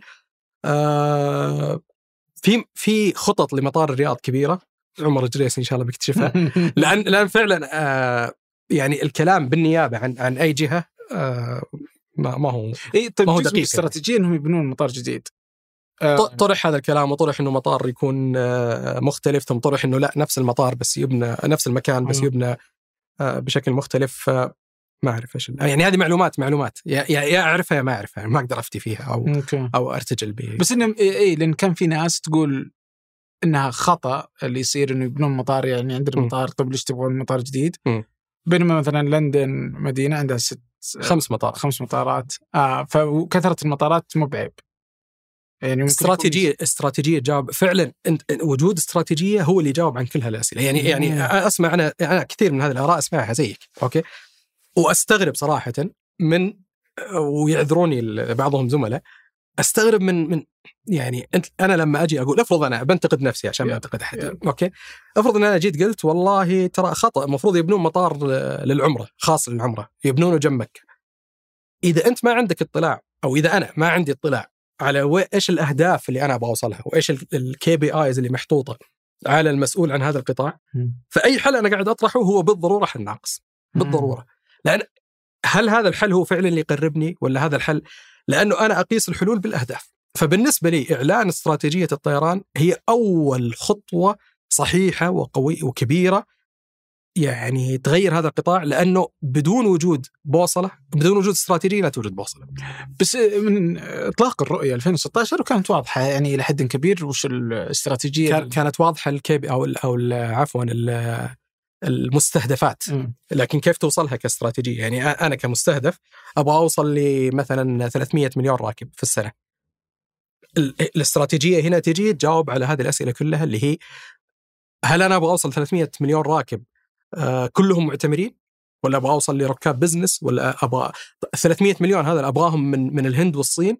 ولا أبغاهم من أمريكا وأوروبا؟ ولا أبغاهم من في في كثير من ال ال ال ال الأجوبة اللي المفروض الاستراتيجية تجاوب عليها فعليا. بناء عليها أجي أقول والله يعني أنا أعطيك مثال صغير جدا وتافه جدا لكنه يساعد في توضيح كيف الاستراتيجية آه، هي المحدد وهي البوصلة اللي تخليك تاخذ قراراتك بناء عليها. مطار فرانكفورت مثلا في ألمانيا مع لوفت هانزا الشركة الأساسية المشغلة مع يمكن قطاعات أخرى لها علاقة بالسياحة ما أعرف استهدفوا الركاب الصينيين لأنه الركاب الصينيين آه، قوة شرائية عدد آه، كثافة سكانية عالية واقتصاد نامي فصار في تشغيل كل واحد يقوم بدوره. جات لوفتهانزا قالت okay أنا أقدر أشغل عدد رحلات معين أقدر أوفر هذه ال capacity من الصين.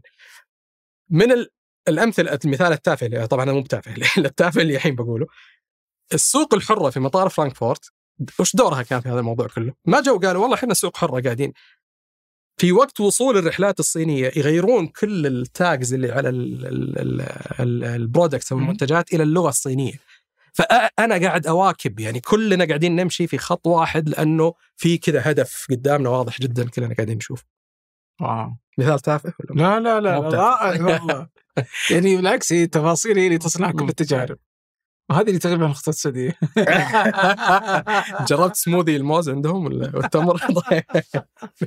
لا يا أخي بس آه، يعني ودي أعرف الحين بجي لل ش- شركة طيران لحالها. ال- شوف أنا أنا أقدر أنتقد مئات التفاصيل في الخطوط السعوديه وب- وبيني وبين بعض ال- ال- ال- الزملاء آه، في الخطوط السعوديه يعني رسائل انتقاد آه، حاده لكن ال- الفكرة فقط إنه لا يمكن أحكم على مطار جدة بمعزل عن المنظومة، لا يمكن أحكم على الخطوط السعوديه بمعزل عن المنظومة، لا يمكن أحكم على فلاي ناس، على فلاي أديل، على على موظف الخدمات الأرضية، الناس أحيانا تروح تهاوش مع موظف الخدمات الأرضية، هو ترى يعني هو جزء من منظومة أكبر، يعني هو ما هو مو بأنه والله okay موجود الموظف الجيد والموظف الغير جيد، موجود ال- الخدمة الممتازة والخدمة الضعيفة، موجودة،.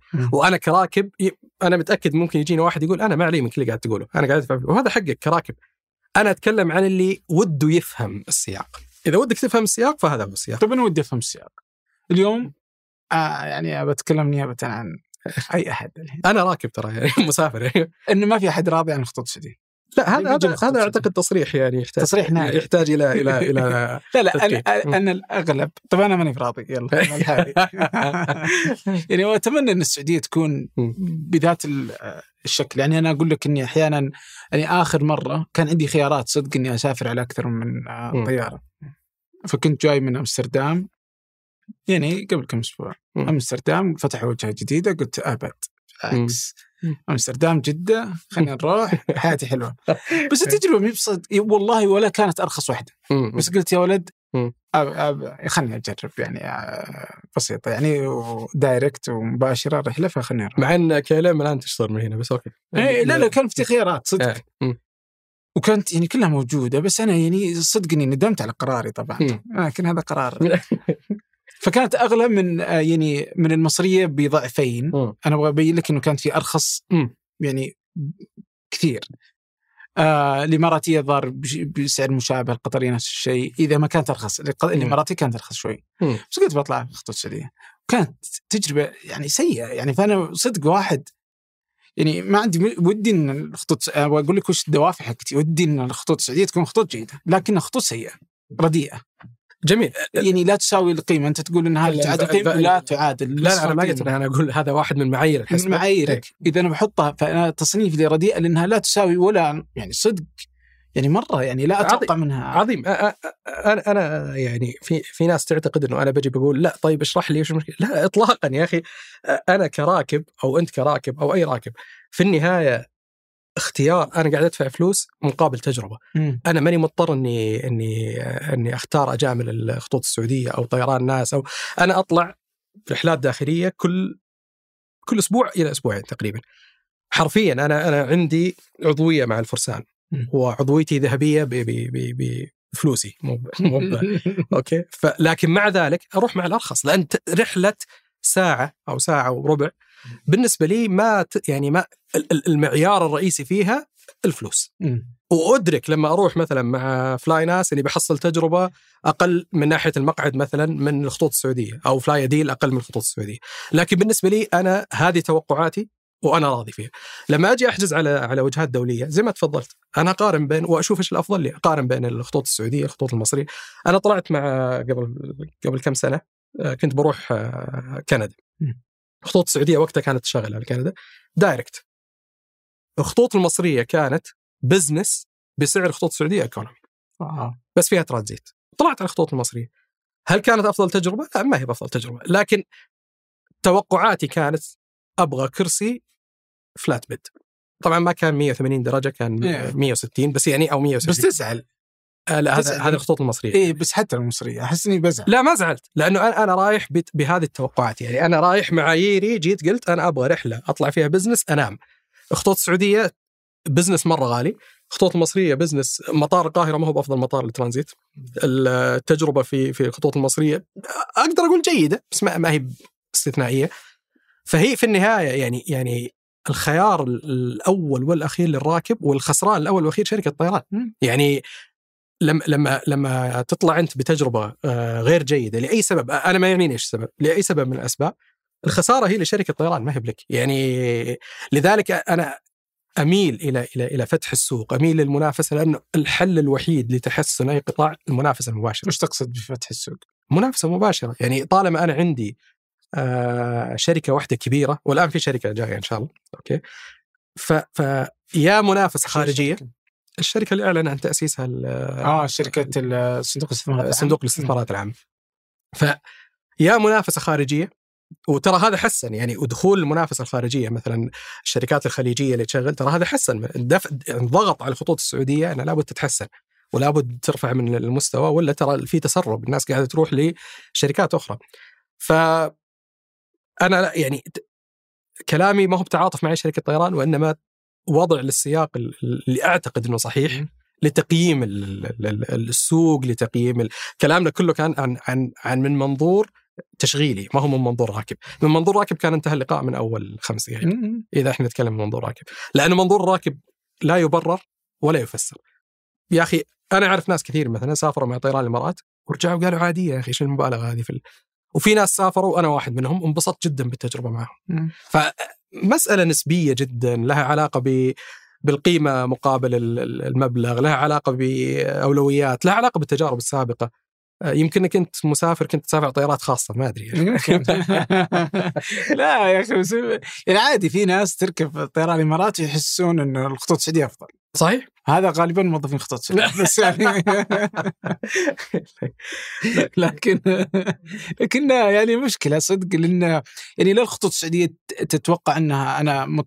أنا طيران عادي متوسط فهي. تعتقد هي تصنف نفسها من أفضل الطيران في في ما العالم أعرف إذا تصنف نفسها يعني بس هي, هي تجتهد أنها تكون في التصنيف العالمي دائما الأول أفضل يعني يعني في النهاية افضل سياحي أفضل فهي مهتمة إنها تكون في ذا يعني هذا جزء جيد منه ترى PR يعني, آه. يعني علاقات عامة وتسويق لأي شركة طيران يعني لما تجي مثلا آه، الخطوط القطرية وتأخذ آه، المركز الأول في درجة ال- ال- الأعمال مثلا على مدى كذا سنة وارد جدا إنك أنت تطلع الخطوط القطرية في رحلة ويجيك ال- ال- المضيف أو كبير المضيفين آه، ذاك اليوم قافلة معاه وتجربتك تتحول إلى إلى اسوء إيه. تجربة. فهي فهي في فرق أنا دائما أقوله لكثير من الزملاء لما اتكلم معهم.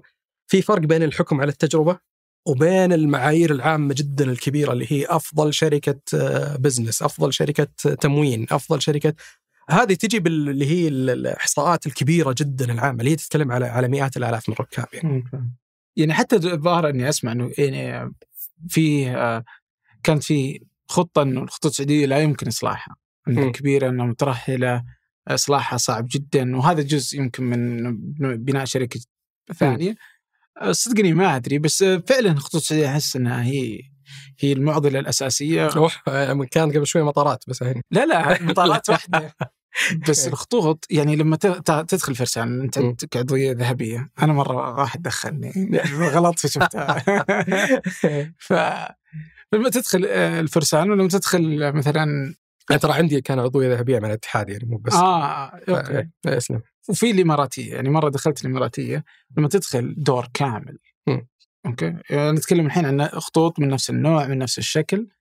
آه، دور كامل فيه 15 يعني فيه كذا بكبر صالة الفرسان اللي في ال... أكبر بكثير معروف. لا لا بس كبر الصالة اللي مم. هنا هذا الأكل العربي. بعدين تمشي كيلوين ظهر في جولف كار علشان من كبر. ومقسمين الدرجة الأولى لحال وال إي هذا كله للأعمال. وال- والأعمال لحال. وفي كذا صالة ترى في مطار دبي للأعمال بالمناسبة يعني. هي يعني ما هي بصالة واحدة. بس هذا كله يرجع مرة ثانية فكل هذا تحت إطار الشركة. يعني ما ما تقدر تقول والله المنظومة نبغى لا هذه هذا الشركة. هذا ما هي بقادرة تضبط الفرسان إنه يصير جيد. وإذا أخذنا الإماراتية لأن عادي دائما نقول الإماراتية ولا القطريه بعدين نقول والله هذه حقت الحكومة. حقتنا حقت الحكومة بس إنه لنفرض انه هناك تجربة جديدة لأنها جديدة ب- يعني من الظلم من السعودية محاكمتها بشركة جديدة مم. هذه 75 سنة هذه بدأت مم. بسرعة وس- مم. يعني قدرت إنها تكون كلين شيت عليه إيه مم. لكن الألماني يعني ما أدري والله قديش تدخل الحكومة فيها أعرف إنها الحكومة لها علاقة الالمانيه لفتانزا قصدك. اي لفتانزا. آه لكن أي مطار في العالم تدخله تبع الالمان تلقى صالة آه أعمال أولى خاصة بالألمانية. بينما السعودية تلقى قاطة مع 15 يعني وهذا يزعج صدق يعني في التجربة يعني. ف- فأحس إن الخطوط السعودية مشكلتها في آه، حد انت طرحت عدة نقاط وكل يعني أرجع مرة ثانية من جانب تشغيلي لا لها لها تفسير إذا إذا أو لها توضيح في ليش السياق هذا يصير. آه بالعكس والله ودي أعرف. إيه، الآن لما أتكلم بآخذ آخر نقطة. ما توقعت ان عندك رد. الخطوط. الخطوط السعودية قاطة مع غالبا ترى مع سكاي تيم يكون. فهذا جزء من من أدوار التحالفات إنه أنا في الوجهات أنا أنا وش اللي يخليني أفتح صالة فرسان؟ الخطوط السعودية مثلا فاتحة صالة فرسان في مطار القاهرة خاصة فيها. مم. آه، مو قاطه مع و by the بالمناسبة يعني القطرية أو قطرية أعتقد نعم في مطار القاهرة قاطه مع ثانية حقت oneworld oneworld فهو بالتالي الجدوى نرجع مرة ثانية للجدوى يعني أنا أنا مثلا خطوط السعودية كم عندي نسبة الركاب البزنس اللي أستهدفهم بصالة فرسان في مطار القاهرة عشان هذا هذا استثمار. هذا على فرض انه الخطوط السعودية ما عندها أي مشكلة ثانية. في مشاكل طبعا بس أنا أتكلم الآن لنفترض انه ما عندهم أي مشكلة تشغيلية ولا تحديات أخرى. القرار بس مجرد قرار اقتصادي. إذا أنا والله عندي عدد ركاب business كافي ويسوى ويبرر هذه الخطوة لأن أنا ماني فاتح صالة الفرسان أو أو أي صالة أعمال آه، كعمل خيري يعني. أنا فاتحها كمردود. فهذا هذا رقم واحد. رقم اثنين ترى المطارات نفسها. يعني الآن كل مطار ترى له قيود في عدد الصالات ال- أحيانا توصل أحيانا تجي شركة طيران ودها أنها تفتح. طيران الإمارات واجه هذه المشكلة مع عدة مطارات في العالم.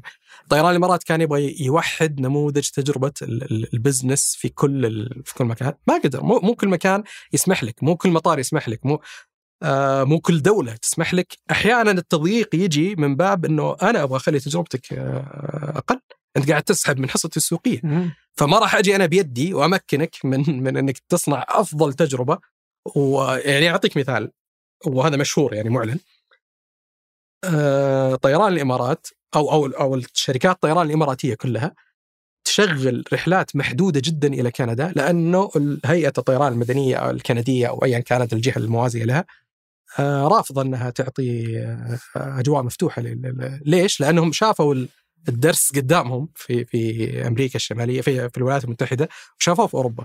الشركات الخليجية لما تدخل تدخل ب- ب- بزخم عالي جدا بعدد رحلات كبير بأسعار منخفضة وطيارات حديثة فتسحب جزء جيد من الحصة السوقية.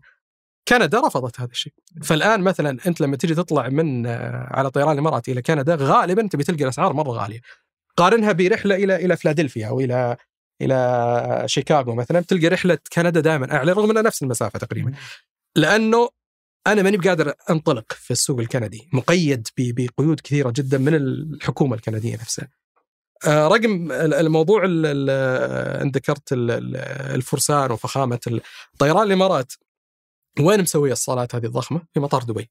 صح. اللي هو مطارها المحوري اللي هو نموذج عملها بالكامل قائم عليه. صح. نموذج عمل طيران الإمارات 100 في مو يعني بشكل كبير جدا هو قائم على على ال يعني الهب أند سبوك أنا أنا طيران الإمارات لو تلاحظ آه ما أدري لو سافرت معاهم قريب أغلب الرحلات توصل يعني أكبر كثافة لحركة المطار من الساعة 12 الليل إلى الساعة 3 4 الفجر. المطار يزدحم بشكل كبير جدا. لأنه هذا وقت اللي يسمونه ال arrival wave. طياراتهم من كل مكان في العالم أصلا لو تشوف فلايت رادار تلقى كذا كل طيارات كأنهم خلية نحل. كلهم راجعين مطار دبي. ليه؟ لأنه يعتمد على الترانزيت فهو يجمع الركاب ثم عشان يقلل لك وقت الترانزيت قد ما يقدر ثم تبدأ تنطلق الرحلات من الساعة مثلا 7 8 الصباح من جديد فأنت وصلت الساعة 3 الفجر رحلتك على الساعة 6 أو 7 الصباح آه. اللي هي أنت طالع من الرياض إلى دبي ثم تبي تطلع من دبي إلى سيدني رحلة سيدني اظن الساعة 10 الصباح. فهذه الفكرة في التجميع.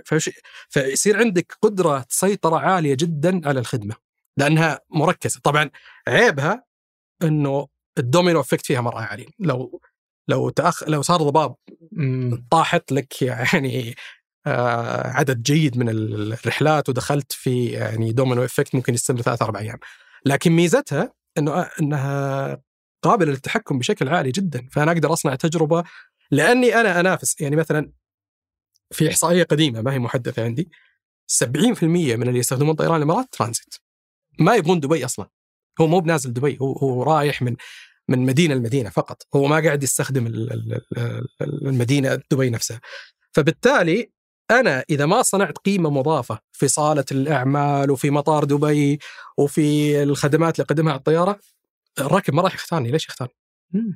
ما في أي سبب آخر يدعوه إنه يختار طيران الامارات إلا القيمة المضافة اللي لها علاقة بتوفر رحلات مدة ترانزيت آه، معقولة وتجربة مطار جيدة.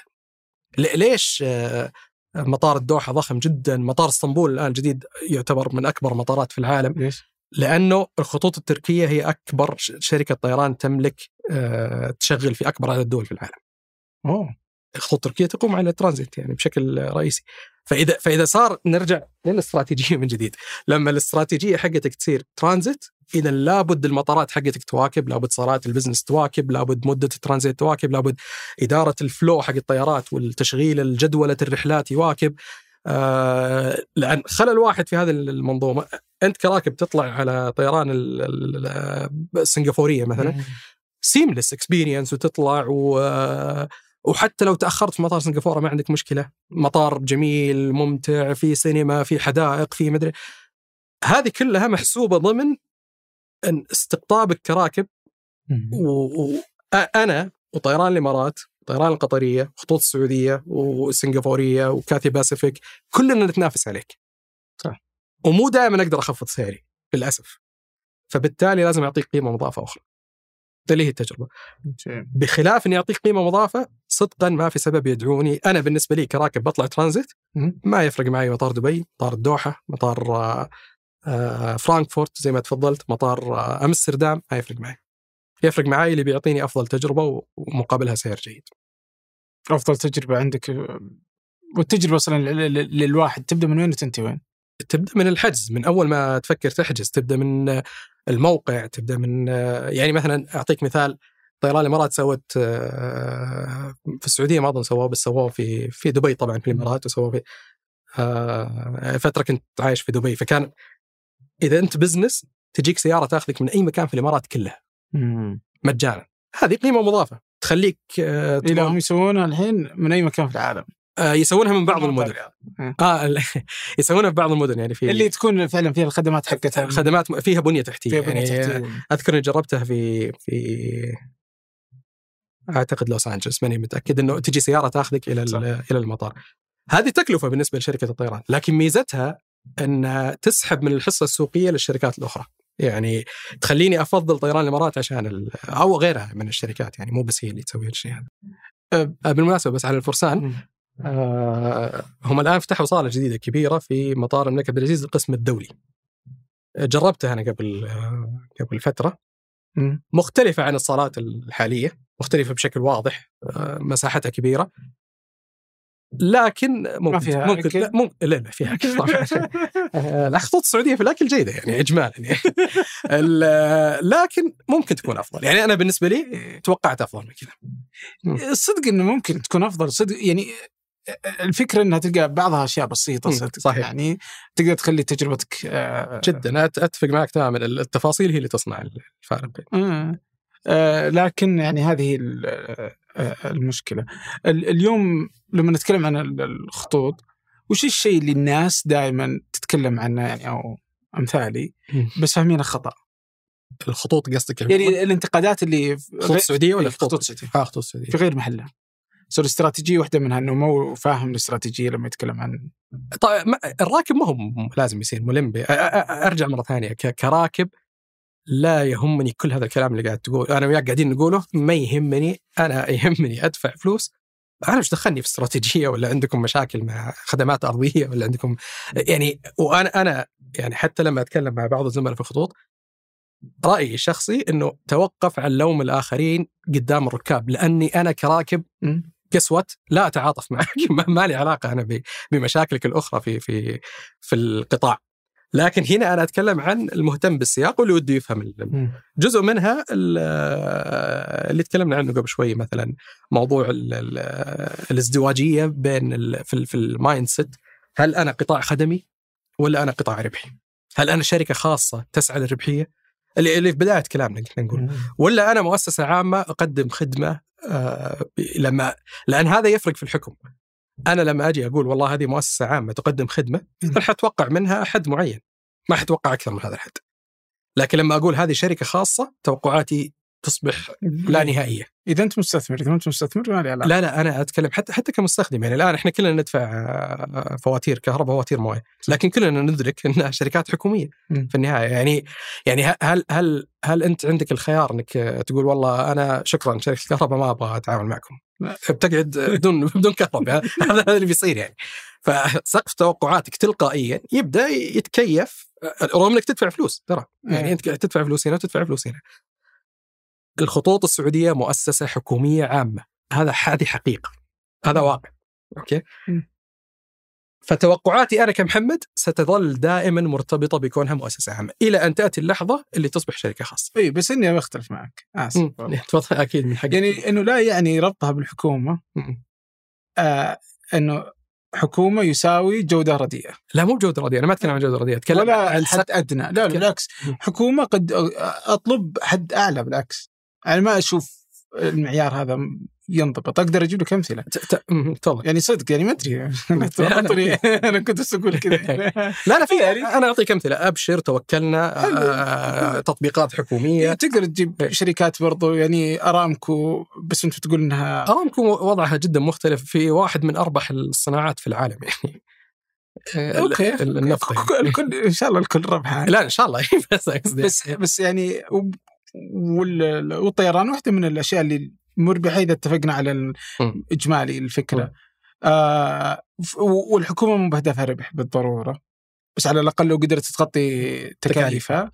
لكان خير. وبركة بس برضو يعني تقدر تشوف قطار الحرمين يعني في أمثلة يعني ما أدري والله يعني بجوز أعدد بس بس يعني. آه مثالك حسه مو بدقيق قد يكون. في النهايه في النهاية يعني كذا حسيت إنه أوه إنه عادي أهم شيء يوصلني. لا لا ما أنا ما قلت كذا. أنا قاعد أتكلم على يعني هي- في النهاية منظور. يعني أنا منظوري. أنا أتكلم عن منظوري الشخصي كيف أنا أتعامل مع مؤسسة عامة زي الخطوط السعودية. أتعامل معها بتطلعات أوكي آه، تليق بأنها مؤسسة حكومية لكن هي تعمل في قطاع خدمي خدمي بحت. يعني ما هو ربحيته ضعيفة في في ال- في الشركات المعلنة المدرجة فما بالك ب ب ب ب ب بشركة حكومية أو أو مؤسسة حتى. يعني الخطوط السعودية حتى ما هي بشركة يعني اسمها هي المؤسسة العامة للخطوط الجوية العربية السعودية. فيعني وهذا طبعا يختلف اداريا وقانونيا لها لها لها سياق يعني سياقات مختلفة. فأنا بالنسبة لي إني أجي أتوقع كراكب أرجع مرة ثانية أفصل بين المنظورين. أنا كراكب أتوقع الأفضل دائما لإني دافع فلوس. وعندي خيارات إذا أنا ماني مضطر على الخطوط السعوديه اذا إذا عندي خيارات. لكن لما أجي أتكلم كمراقب اني إني أرفع توقعاتي جدا وهي مؤسسة عامة ما ما أظن حصل في أي مكان في العالم. انه إنه في مؤسسة عامة حكوميه وصلت إلى إلى إلى نوع من المنافسة ال- يعني القوية وقدمت مستوى خدمة استثنائي وقليل يعني حتى مثال الحرمين اللي تفضلت فيه هو لأنه هو الوحيد في العالم. لأنه لأنه استثنائي. فعليا. يعني أنا ماني في منافسة مع أي أحد وش مين ينافس الحج؟ مين ينافس ال- ال- ال- ما, ما في أحد ينافس هو والجهود اللي في الحرمين استثنائية بكل المعايير بما فيها الحالة نفسها استثنائية. لكن لما أجي أتكلم ك يعني أرجع مرة ثانية، قلت لي وش أكثر شيء؟ أكثر شيء أنا يعني لو لو بقول لأحد ياخذه في الاعتبار هل أنت تكلمني وهذا السؤال أنا أسأله لما أحد يجي يكلمني عن الخطوط السعودية قلت تسألني كراكب. أتفق معك 100% الخيارات مليانة وخذ الخيار الأنسب لك لميزانيتك لتوقعاتك لهدفك من هذه الرحلة لأشياء كثيرة. الحمد لله يعني ما ما إحنا في سوق محتكر ولا مغلق أتكلم عن الرحلات الخارجية أوكي؟ بتكلم على كمراقب وكواحد مهتم بالقطاع. في رأيي من الخطأ إني أجي أقول والله ليش أنتم ما قاعدين تصيرون زي آه، سنغافورية؟ أو ليش أنتم ما قاعدين سنغافورية مملوكه المن حتى لو هي مملوكة لصندوق تابع لل- لل- للدولة لكن في النهاية يعني بدأت كشركة أو أو يعني آه. تعمل كشركة بممكنات الشركة بآليات عمل الشركات بميزانيات الشركات بتدقيق الشركات بأشياء كثيرة لها علاقة بالشركات. يعني الخطوط السعودية ما هو سر كلنا ندري إنه جزء من موظفينها موظفين حكوميين يعني يعني يعني اللي هم يسمونهم على اللائحة يعني لا يزال يخضع ل ل للأنظمة الحكومية البحتة هذا ما هو بتبرير كان ممكن تصنع تجربة أفضل حتى بهذه العوائق كلها. لكنه مجددا أني أضع الشيء في في في سياق سياقه الصحيح طيب آه، من من 2000 آه، بداية القرن هذا أتوقع في 2004 يعني بدأ الحديث حول م. ال- الخطوط. آه، تغير الرئيس التنفيذي جابوا أحمد بن ملحم علشان خالد بن. خالد بن ملحم علشان لأنه ن- نجح في ال- في السيسي فقالوا يعطي التجربة نفسها ما استطاع. إلى اليوم آه، ما خصخص آه، أي ما خصخصت الخطوط السعوديه اللي هي آه، الطيران نفسه. خصخصت آه، أجزاء ثانية ولا زالت رديئة بس يعني موضوع ثاني. يعني يعني الخصخصة ما غيرت شيء والله صدق يعني دناتا ما تقدر تقارنها بخطوط الخدمات الأرضية إيه. بس موضوع ثاني هذا يعني انت صادفت رئيس سابق للخطوط السعودية وما أقدر اجاوبك على السؤال فما ما, أعتقد إنه أنا بكون الشخص بس هو. عنده يعني يعني ما يقدر يجاوب لأنه يعني من ضمن الم... من لا هو طبعا شوف انت قلت شيء انت قلت أشياء مجموعة أشياء إيه، قلت. قلت حقائق وقلت آراء ال- الحقائق إنه نعم ال- ال airline ك airline الخطوط الجوية لم تتم خصخصتها بس ما نجح أو نجح هذا لا لا ما ما صار لا لا أنت قلت جابوا آه، معالي آه. الملحم وانه يعني هذا ما, ما أعرف صراحة نرجع مرة ثانية معطيات ما أدري إيش اللي هل كان مطلوب منه فعلا خصخصة الخطوط؟ هذا المعروف هذا المعروف عندي آه. وعندك بس ما ما أدري هل فعلا هو كان مطلوب منه ولا لا؟ ممكن آه، لأنه ذكرنا أسماء فما يعني ما ما ما ودي إني عموما عموما إنه اللي تم تخصيصه وحدات اللي هي عندك الخدمات التموين الأرضية وال... التموين ال- الصيانة ماني متأكد الشحن أعتقد تم تخصيص مم. جزء منه ماني متأكد لكن الاكيد التموين والخدمات الأرضية. آه، المنظومة الخطوط السعودية طبعا هي أو الم... يعني الشركة ككل هي فيها أظن أكثر من تسع شركات يعني فيها الأكاديمية اللي هي تدريب فيها آه، الصيانة فيها ال- ال- ال airline نفسها فيها الخدمات الأرضية فيها الشحن الجوي فيها التموين وفيها عدة business units أو أو وحدات أعمال. في تحليلي الشخصي خصخصت شركة طيران عملية معقدة محاسبيا أصلا أو ماليا. الشركة نفسها كشركة طيران. عندك أصول ضخمة جدا. آه، التموين ما فيها ولا ربع ولا 10% من الهاسل والربكه اللي اللي ممكن تصير في تخصيص شركة طيران. تقييم شركات الطيران يمكن لو يعني أحد مالي يعني مختلف تماما ومعقد جدا. لأن أنت عندك ريفينيو ضخم جدا لكن أيضا عندك تكاليف ضخمة جدا وعندك في نفس الوقت أصول ضخمة جدا. بس هذه الأصول اللي هي الطائرات يعني نتكلم على الخطوط السعودية مثلا عندها أكثر من 100 طيارة. ال 100 طيارة آه، أكثر يمكن 100 وتوصل 130 140 طيارة. واحدة من التعقيدات بس هذه الطيارات تعود ملكيتها لجهات مختلفة تماما. يعني مو بكل الخطوط وهذا كومن يعني هذا شائع في في كل شركات الطيران. شيء من الطيارات تملكه مثلا شركات إيجار تأجر، شيء من الطيارات تملكه صناديق تمويل ودعم ومدري شيء من الطيارات تم... ف... فإنك تجي عشان تطلع بس بتقييم ل... ل... ل... للإيرلاين بأصولها بمداخيلها بكذا، هذه عملية صدقا ممكن تأخذ سنوات لحالها. ضيف للمعادلة أنها حكومية، ضيف للمعادلة أنها قد ما تكون ربحانة،. فهذا طبعا كله تحليلي الشخصي اللي مبني غير مبني على أي معلومات فعليا. لكن أتصور لو أنا مستثمر وبجي بشوف كل التعقيدات هذه وبشوف النتائج المالية ما أظن الموضوع بالسهولة ال- بالسهولة اللي يبدو عليها يعني. إلا لو كان المشتري أيضا جهة حكومية زي صندوق سيادي زي كذا. زي صندوق الإستثمارات العامة وغيره آه، ما مدى سهولة إنشاء آه، خطوط آه، طيران جديدة في هذا الوقت يعني فيها أحد من الاتحاد الأوروبي أتذكر كان يقول آه، يعني إنه بناء شركة جديدة في سوق. كمل يعني اولموست ممتلئ آه، يعني مهمة صعبة تحتاج الهوك ليش؟ مم. القيمة المضافة حقتك ليش؟ ليش تعتقد إنك أنت طبعا هنا نتكلم عن شركة ضخمة ما نتكلم عن شركة صغيرة. الشركات الصغيرة وضعها أسهل بكثير يعني. لكن شركة ضخمة تبغى تحصل حصة سوقية جيدة. آه ليش؟ وإيش قيمتك المضافة؟ وين الجاب في السوق اللي أنت بتشتغل عليه؟ آه ثم بعدها يجيك سؤال التمويل من سيدفع كل هذه الأموال؟ لأنها مكلفة جدا. يعني آه زي ما تكلمنا قبل شوي سعر طيارة صغيرة مثلا السعر المعلن طبعا. أتكلم عن 100 مليون دولار أو 120 مليون دولار آه، حتى لو حصلت عليها طبعا شركات الطيران تعطي تخفيضات ضخمة بس تكون صفقات غير معلنة كل ما زادت الكميه الكمية تأخذ أسعار جيدة ممكن توصل أحيانا إلى إلى إلى 50 60% من سعر الطياره. ف لكن يظل حتى بهالتخفيضات هي أرقام ضخمة جدا. آه، فتحتاج deep pocket على ما يقولون إن عندك يعني ملاءه مالية كبيرة جدا. وتحتاج آه، يعني سوق حقيقي اللي هو أنت الحين السوق لنفترض إنك عرفت القيمة المضافة حقتك والاستراتيجية تحتاج انه السوق هذا بمعاييره التشغيلية والتنظيمية والتشريعية اللي أنت أو الأسواق اللي بتشتغل فيها إنها تدعمك، يعني أعطيك مثال آه الإمارات كدولة وقعت اتفاقية أظنها من أكثر الدول في العالم اللي موقعه اتفاقية آه، أجواء مفتوحة. مع أو أو الحريات الطيران يسمونها.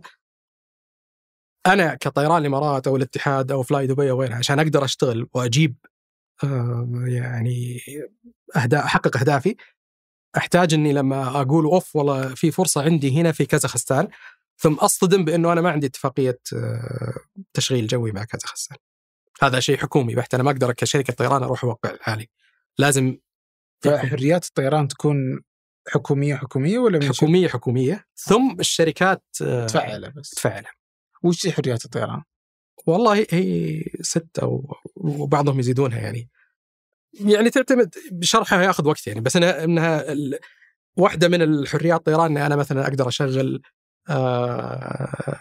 ترانزيت عن طريق دولتك أو إني أقدر اللي طبعا تفوق. يعني مثلا طيران الإمارات عندها رحلة من نيويورك إلى ميلان آه عفوا من دبي إلى ميلان.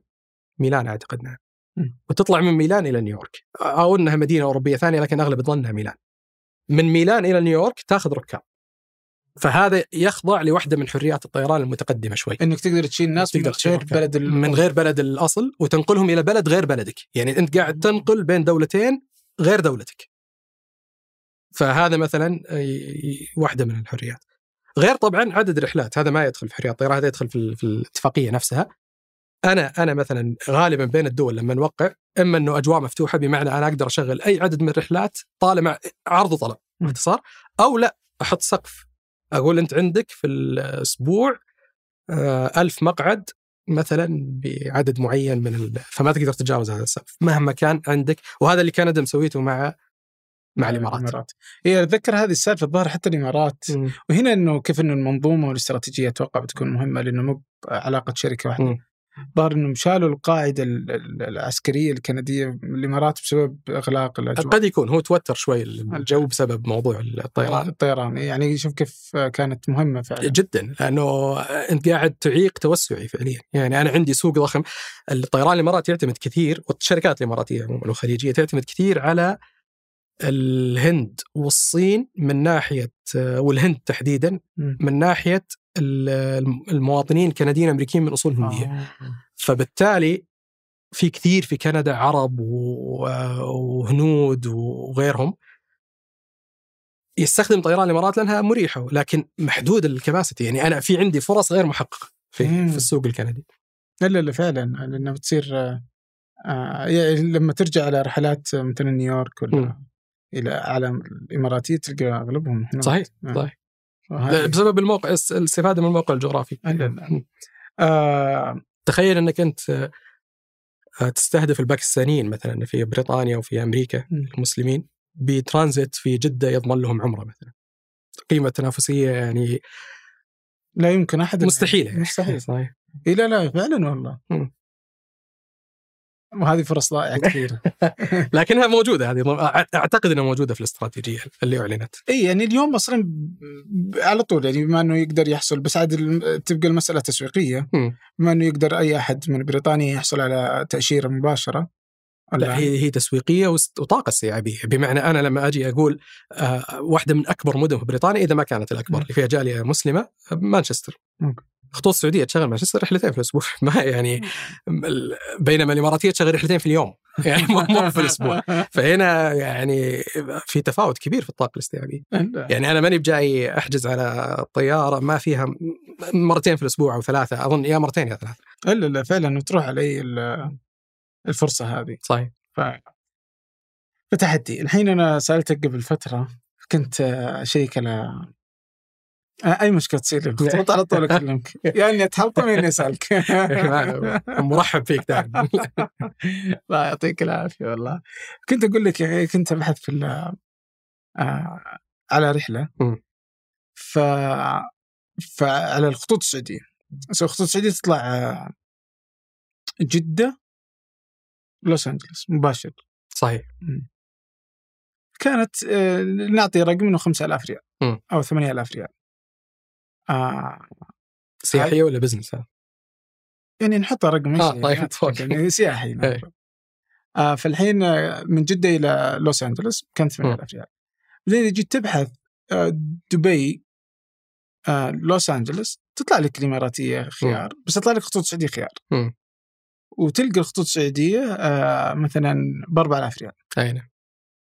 فيعني أقول يعني صدق إني ما فهمت.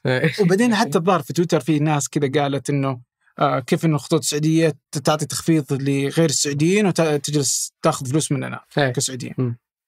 آه فتلقى الرحلة دبي جدة. جدي جدة لوس أنجلوس. أرخص من جدة لوس أنجلوس. صحيح. فما فهمتها. فسألتك طبعا شرحت أنت باستفاضة أو باقتضاب وما فهمت. فمعليش في في في فيديو بيطلع خلصته هذا الآن. يعني شبه جاهز بيطلع على تويتر يجاوب على هالسؤال برضو باختصار لأنه هو مرة.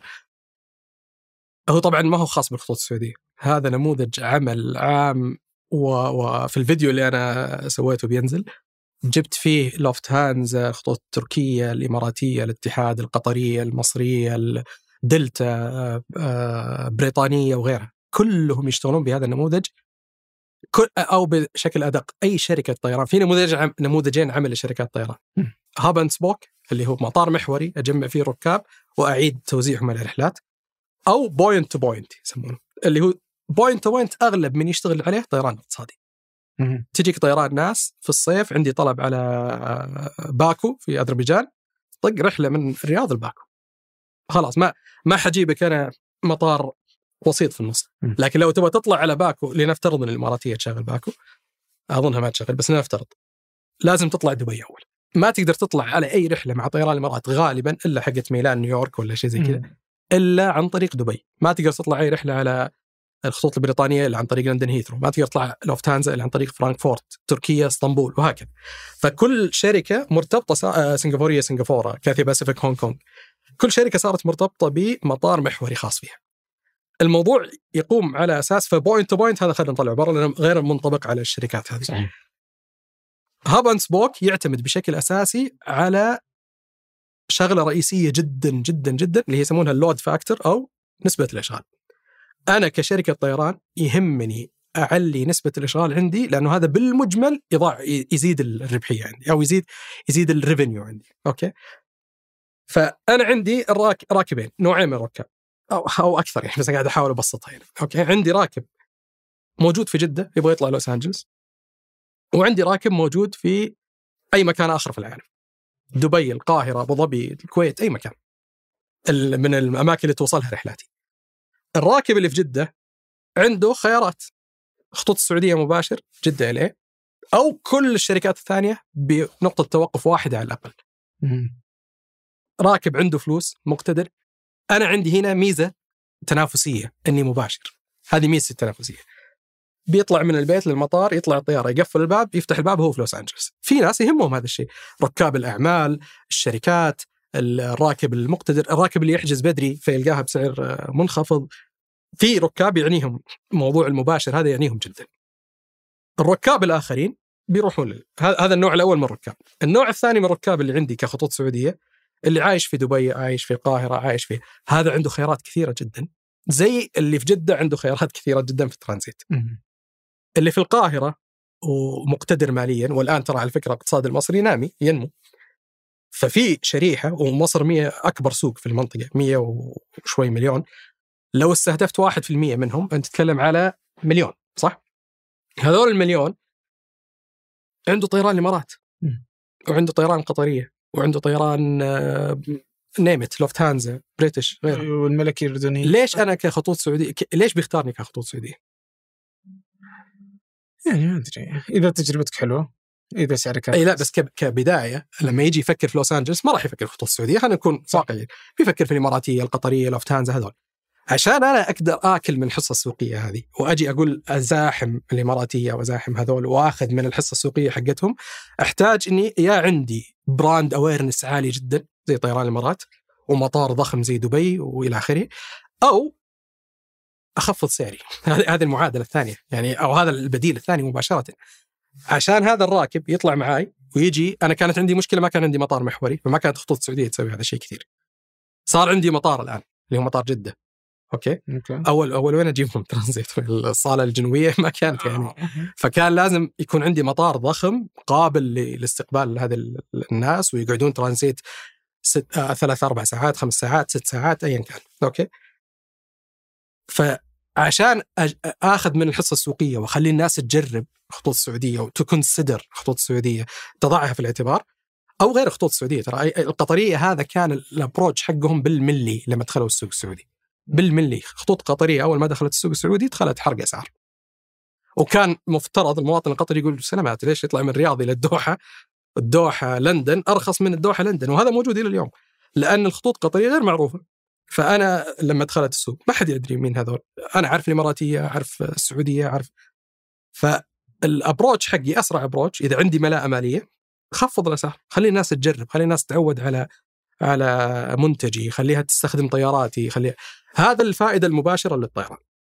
ضيف عليها لو عندك استراتيجية المنظومة الأكبر. المسافرين اللي يمرون مطار دبي يشترون من السوق الحرة يسكنون في الفنادق ممكن ينزل دبي 12 ساعة إذا يقدر يدخل يشتري من المطاعم آه، فعندي حركة كاملة تعتمد على مطار دبي وصل إلى 100 مليون راكب. 100 مليون بني آدم مروا من هذا المطار لو كل واحد صرف يعني بناخذها الآن بالحسبة السطحية هذه لو كل واحد صرف درهم هذه 100 مليون درهم. في المطار أتكلم لو كل واحد صرف درهم واحد فأنت تحتاج هذول الركاب بنرجع لنفس كلامنا في البداية أنا مو بالضرورة أربح من المقعد لكن أنا أنا ك ارباح كمنظومة كمنظومة كاملة أنا ربحان إيه. من يعني غير تسويق دبي غير. يعني هذه كلها مصاريف ممكن إنك تصرفها بالضبط. فحط حط في المعادلة هذه لو مثلا قبل فترة أعلنوا عنها وإن شاء الله إنها تتحقق يعني أو اظنها يمكن تحققت إنه بتطلع فيزا خاصة بالخطوط السعودية أو أو أي شركة طيران آه للعمرة مثلا. فأنا أقول لك آه، تعال من مانشستر إلى دلهي عن طريق الخطوط السعودية آه، طبعا هو ما يحتاج تأشيرة خاص اسمها عمرة بس تأشيرة للسعودية يعني. أوكي وبالترانزيت هذه تقدر تدخل تروح مكة بالقطار وترجع وتطلع طيارتك الثانية إلى إلى كراتشي دلهي لاهور يعني كانت إي لا والفيزا موجودة. والفيزا موجودة نعم. أعلنت إنه. يمديك تأخذ آه، يعني عند الوصول ولا حتى لا بس هم هم أظن يبون يربطونها زي ما سووا في كثير دول يربطونها حتى بالتذكرة مجرد حصولك التذكرة أو تذكرة الخطوط السعودية أو طيران ناس أو. كذا هذا هذا يعتبر تأشيرة خلاص. آه. إي لا هذا بيكون ممتاز بس برضو مطبقه في كثير دول. إيه.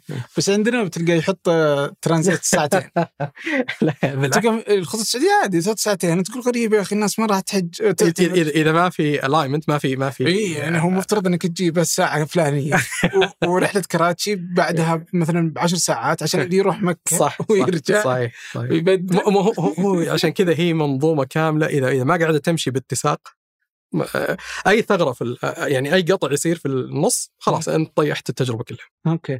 فعودة الترانزيت يعني فاي أحد يخفض هو خسران يعني ما ما فيها ربح. لا مو بالضرورة خسران. يعني أنا أعطيك مثال. لأنك تشغل طيارتين تاخذ. مقعدين يعني أحس إنها كلفه إضافية لا لا هو- كلفه إضافية صحيح هذا ما فيها كلام بس هي الفكرة في نسبة الإشغال. يعني الحين خلينا نأخذها كمثال. الطيران الإماراتي يشغل يوميا سبع إلى ثمان رحلات إلى لندن لندن فقط. أوكي. و380 كلها. ترى. بالمناسبه يعني إلى فترة قريبة كانت كلها 380 إذا ما يسوي هذا التخفيض في الترانزيت مين بيطلع من دبي إلى لندن؟ مين راح يملى هذه الطيارات؟ مم. فأنا أحسب يعني اذا إذا بصوغها بشكل أدق أنا أقسم تكلفة راكب الترانزيت على الرحلتين. يعني والله عملية معقدة. يعني اي إي جدا. الاقتصاديات الطيران وآلية التسعير من يمكن من أعقد الأشياء اللي تتسعر في العالم. لأنها جدا آه، معقدة وجدا دايناميك يعني يعني أحيانا تختلف من سوق إلى سوق. يعني أعطيك مثال آه، لما الصين بدأت توقع مع هذا آه، بدايات الألفية أعتقد. بدأت توقع مع حكومات أفريقية كثير وبدأت تستثمر في أفريقيا. جات فترة تذكر الصين دخلت في أفريقيا وأظن لا زالت. مباشرة الشركات اللي هي في الطريق الإماراتية وغيرها والتركية شافوا الفرصة وتوسعوا في أفريقيا. لأن أنا already موجود في الصين. أنا وجودي في الصين جيد. أشغل بكين شنغهاي هونغ كونغ جوانزو آه، وعدة مدن أخرى. أوكي؟ و- وب frequency ممتازة. يعني رحلتين ثلاثة في اليوم لك- لكل مدينة. واو. فبالتالي لما ش- شركات صينية تبغى تشتغل في أفريقيا اذا أكيد يبون ينتقلون. يعني ما راح يجون ببساط الريح يعني. ف... فال... ال- واحدة من الخيارات اللي اللي اللي تصير قدامهم ال- الشركات اللي عندها وجهات اوريدي في أفريقيا. أها. إيه لا لا إيه فعلا والله. يعني آه، الاستغلال الفرص آه، يتطلب حركة برضو سريعة إنك تكون ويتطلب تسعير دينامي... ديناميكي ويتطلب مرونة سعرية ويتطلب أشياء كثير. خصوصا لما تيجي تقدم وجهة جديدة. يعني لما تيجي تقدم وجهات جديدة. إذا ما عندك مرونة سعرية ما يعني أنت ترانزيت already يعني أنا already قاعد أتحمل جزء من وعثاء السفر إضافي. فإذا أنت ما قاعد تقدم لي سعر جيد ما ما ماني مهتم يعني. والشيء بشيء يذكر أتوقع أحس يا أخي قبل شيء أنت تقول إنه في ال- في الصين مثلا ثلاث رحلات يومية ولا ما أدري وين في مانشستر. آه، والسعودية تقدمها واحدة في الأسبوع أو ثنتين في الأسبوع تحس إنها تأتي تأدية واجب أنا والله عندي رحلة لجوانزو. لا بس هي بس؟ بعد بالمناسبة بعد جوانزو جبت مثال آه، جوانزو جيدة مرة يعني ليه كم ظهر لا إشغالها ممتاز آه. في السعودية على حسب علمي يعني. لأن الظاهر إنه هي ترى قليل يعني إيه قليلة بس هي مو عشان كذا نرجع للفرق بين نموذج ال- ال- ال- المطار المحوري. ال- ال- ال- الإمارات السعودية تنقل على الأغلب ركاب من السعودية يبون يروحون مانشستر. هذول عددهم قليل. لكن لما تفتح السوق حقك ويصير العالم كله هو السوق حقك أو أو اغلب إنك العالم. أنت هو ال- ال- بالضبط. هنا يختلف تماما المعادلة تختلف. يعني أنا لو مكان الخطوط السعودية ما راح أشغل رحلات زيادة على مانشستر لأنه ما, ما عندي أحد يطلع طول السنة يوميا لأني أعتمد فقط على سوقي المحلي. طيب وش اللي تغير الحين؟ يعني الان اضافوا يعني. رحلات جديدة مم. وجهات جديدة يعني آه. واستهدفوا في الاستراتيجية ظهر 200 وجهة. صحيح أو أكثر إيه. فوش وش اللي تغير الآن إنه صارت أمستردام وجهة. آه، أو حتى. برشلونة صارت وجهة. يعني وإنها ما كانت قبل سنة والآن صارت. هذا يجي على القسم التجاري في أي شركة طيران اللي هو يحدد وش الوجهات اللي اللي نفتحها. آه، هل هل نختار هذه الوجهة ولا نختار هذه. الوجهة؟ وترجع لعدة عوامل لها علاقة. اول أول شيء ينظرون له طبعا موضوع التغطية القانونية. هل أنا أقدر أروح ولا ما أقدر أروح. كاتفاقيات كاتفاق دول إيه.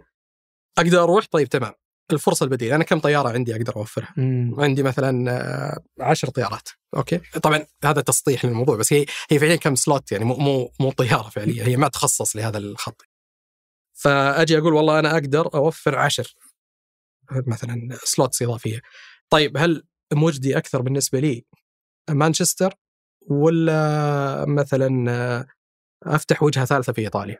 مم. مين اللي عليه طلب أكثر؟ مين اللي طبعا هذا كله في عالم مثالي لا يخضع لأي آه، آه، تأثيرات آه، سياسية تأثيرات لها علاقة ب يعني مثلا في وجهات شركات الطيران تفتحها لأهداف سياسية بحتة. يعني ما يعني مثلا أنا أبغى أعزز علاقتي بالدولة الفلانية أو أنا أبغى وهذا يعني يصير وفعال شيء جيد. يعني مو مو فأحيانا مو بالضرورة يكون ال- القرار تجاري بحت. لكن لو افترضنا إنه الشركة تملك 100% من قرارها وهي اللي تختار وهي اللي تحدد بيكون غالبا على أفضل جدوى تشغيلية ممكنة. مم. لأنه أنا أنا عندي أهداف. عشان كذا أقول لك هي معقدة. أنا أبغى طياراتي أغلب الوقت في السماء لأن كل ما تقعد في الأرض هذه تكلفة. علي أوكي؟ وفي نفس الوقت أبغى آه بالمناسبة ترى المطارات أيضا اللي أنت تروح الوجهات اللي عليها طلب أصلا هي ما هي وجهات غبية هي تدري إنه عليها طلب فتبدأ تحط شروط أيضا آه مطار لندن هيثرو مثلا الآن لو تفتح شركة طيران جديدة تسميها أبو مالح وتكون ضخمة جدا وعندها ملاءة مالية عالية ما تقدر تشغل مطار هيثرو ليه؟ يقول لك أنا فل روح اشتر مكان خلو قدم راح اشتري مكان شركة طيران ما تبغى وخذ مكان فأنا أروح اشتريه من شركة ثانية. تروح تشتري من شركة من شركة بازيد مثلا. بكون أنا جايب العيد وماني مطلع جدوى. فراح أشتري منك. تجي تقول لي عطني السلوت حقك أو آه. ال- البقعة ما أدري المهم الفراغ حقك. فتشتريه مني. فهذا تكلفة. فممكن تقول لا والله ما يسوى عليه بروح أدفع فلوس وأشتري ال ال مم. ال ال ويمكن يطلع سيء الوقت. يعني يمكن يطلع أنا أوصل مطار هيثرو الساعة 11 في الليل. يعني مرة ما هو ما هو بحتى وقت مغري للركاب وإلى ففيها يعني يعني تعمل لها حسبة كبيره يعني متقدمة ثم بناء عليها تقول والله أنا قررت إني أفتح الوجه الفلاني آه. وطبعا تحسب كل ثلاثة شهور تجي تقول والله وفي وجهات طبعا في في شركات عندها رشاقة أكثر بحكم حجمها زي طيران ناس مثلا. آه يجي يقول أنا بفتح في وجهة موسمية ثلاثة شهور فقط أنا عندي سياح خلاص أنا عارف حجم السياح اللي يطلعون البوسنة سنويا خلينا نقول مئة ألف أنا بستهدف منهم 25000 هذه حصتي السوقية من. في الفترة المعينة و... إيه ال 75000 الباقيين بيروحون على فلاي دبي وعلى تركيا وعلى مدري وين وغيرها. مم. فهذه حصة السوقية من السوق. لأني أنا أقدر أوفر الطيارات بهذه الطاقة الاستيعابية. أوكي. وطبعا تعتمد أيضا على الطاقم آه، جاهزية الطواقم اللي عندك. آه، في طبعا أزمة طيارين في العالم الآن. ففي يعني فيها في طيارين عاطلين. إيه، في طيارين عاطلين وهذا شيء محزن جدا. بالطبع. آه بس أقصد أزمة طيارين من ناحية إذا أنا أبغى أشغل تشغيل موسمي فأنا قد أحتاج آه، طيار جاهز. كذا على طول إيه، واحد. آه لكن أزمة طيارين عاطلين هذه أزمة ثانية محزنة يعني مختلفة. يعني. أوكي طيب أنا من الأشياء المحزنة. لأن انتهينا؟ لا أنت تدري كم؟ كم؟ أوه. ساعتين ونصف. أوه. طيب إحنا نوقف أجل الله يعطيك العافية. الله يعافيك.